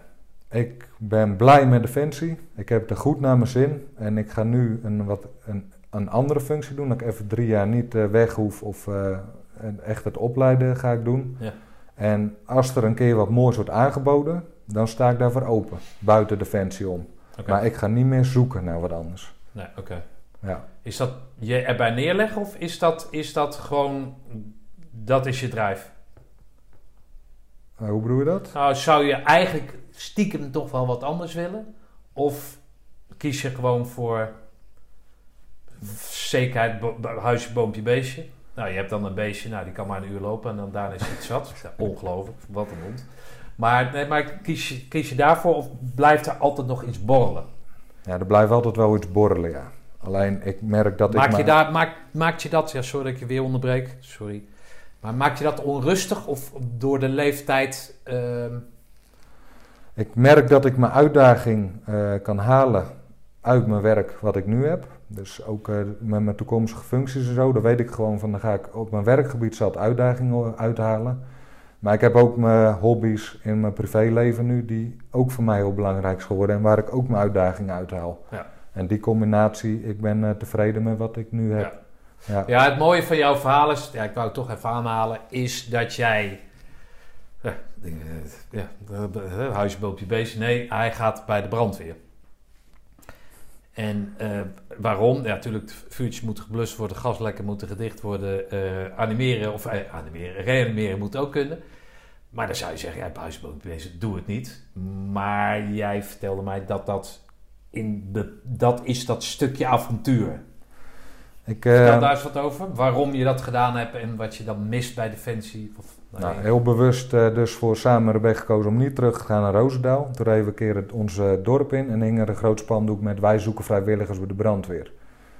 Toen zei Rebecca van, joh, is dat niet, is dat niet leuk om erbij te gaan doen? Dus ik, heb, ik had nooit wat met de brandweer gehad, ik ken ook niemand die erbij zit.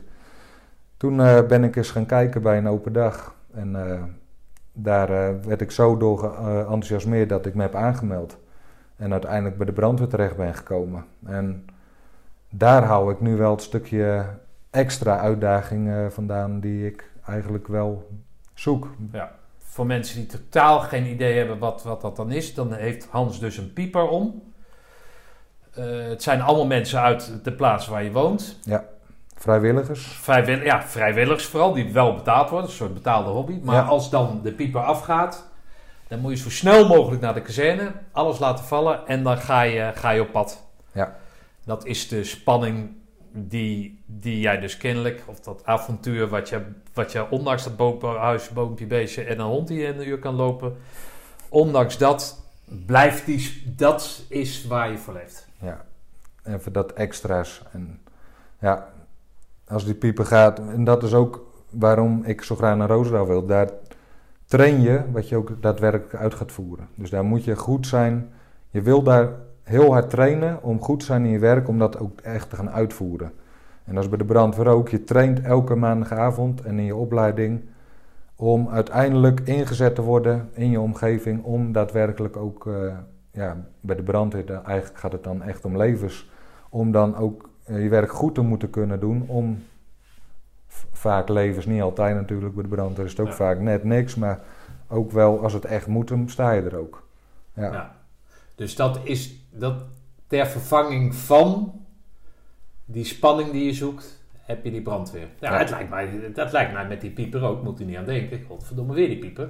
Maar eh, eh, eh, dat is mooi dat je dus, mag ik concluderen dat je dus eigenlijk op dit moment alles een plek hebt kunnen geven. Ja. En als het dan om die ECO draait, waar het hier natuurlijk om gaat, nee, maar dat je dat dus een plek Ja. hebt kunnen geven. 100%. En dat heeft inderdaad wel wat langer geduurd. Maar inderdaad, ik heb huisboompje bezig, ik heb de brandweer, ik heb mijn werk. En zoals het nu allemaal loopt, dan ben ik tevreden met wat ik heb. En ik zou dolgraag nog een keer die opleidingen willen, maar daar heb ik nu gewoon heel bewust voor gekozen om dat niet meer te doen. Oké. Ja, Nou, mooi man.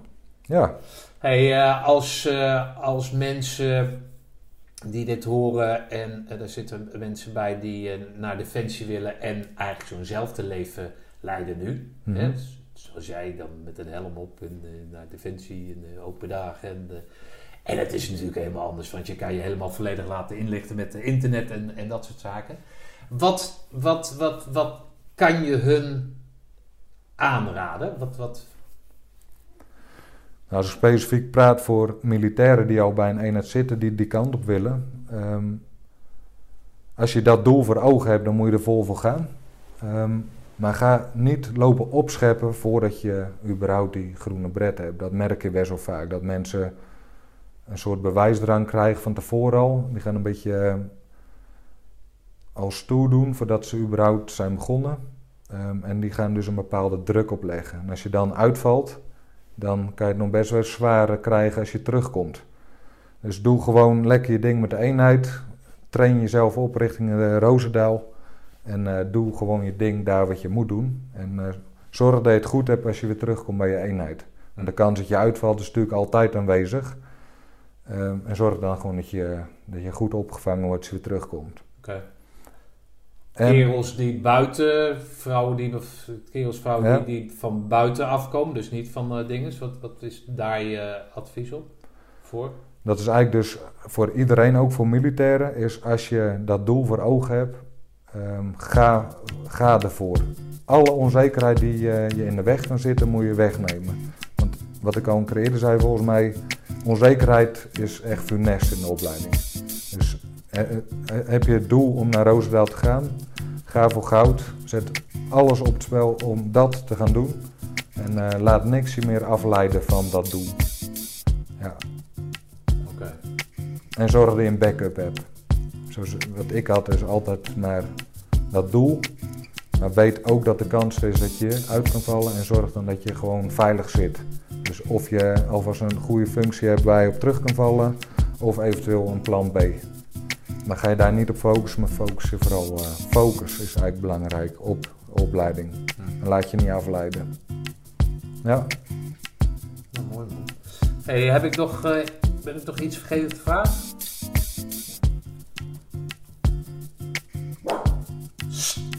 de hond. Hey, hallo. Nee, volgens mij eh, hebben we alles al besproken wat we wilden zeggen. Nou, mooi man. Ja. Nou, dankjewel eh, Hans. Ja, jij bedankt voor, de, voor het interview. Ja, ik ben er eh, diep van onder de indruk. Dankjewel. Nou, dat was hem dan weer. Het enige wat mij nog rest is...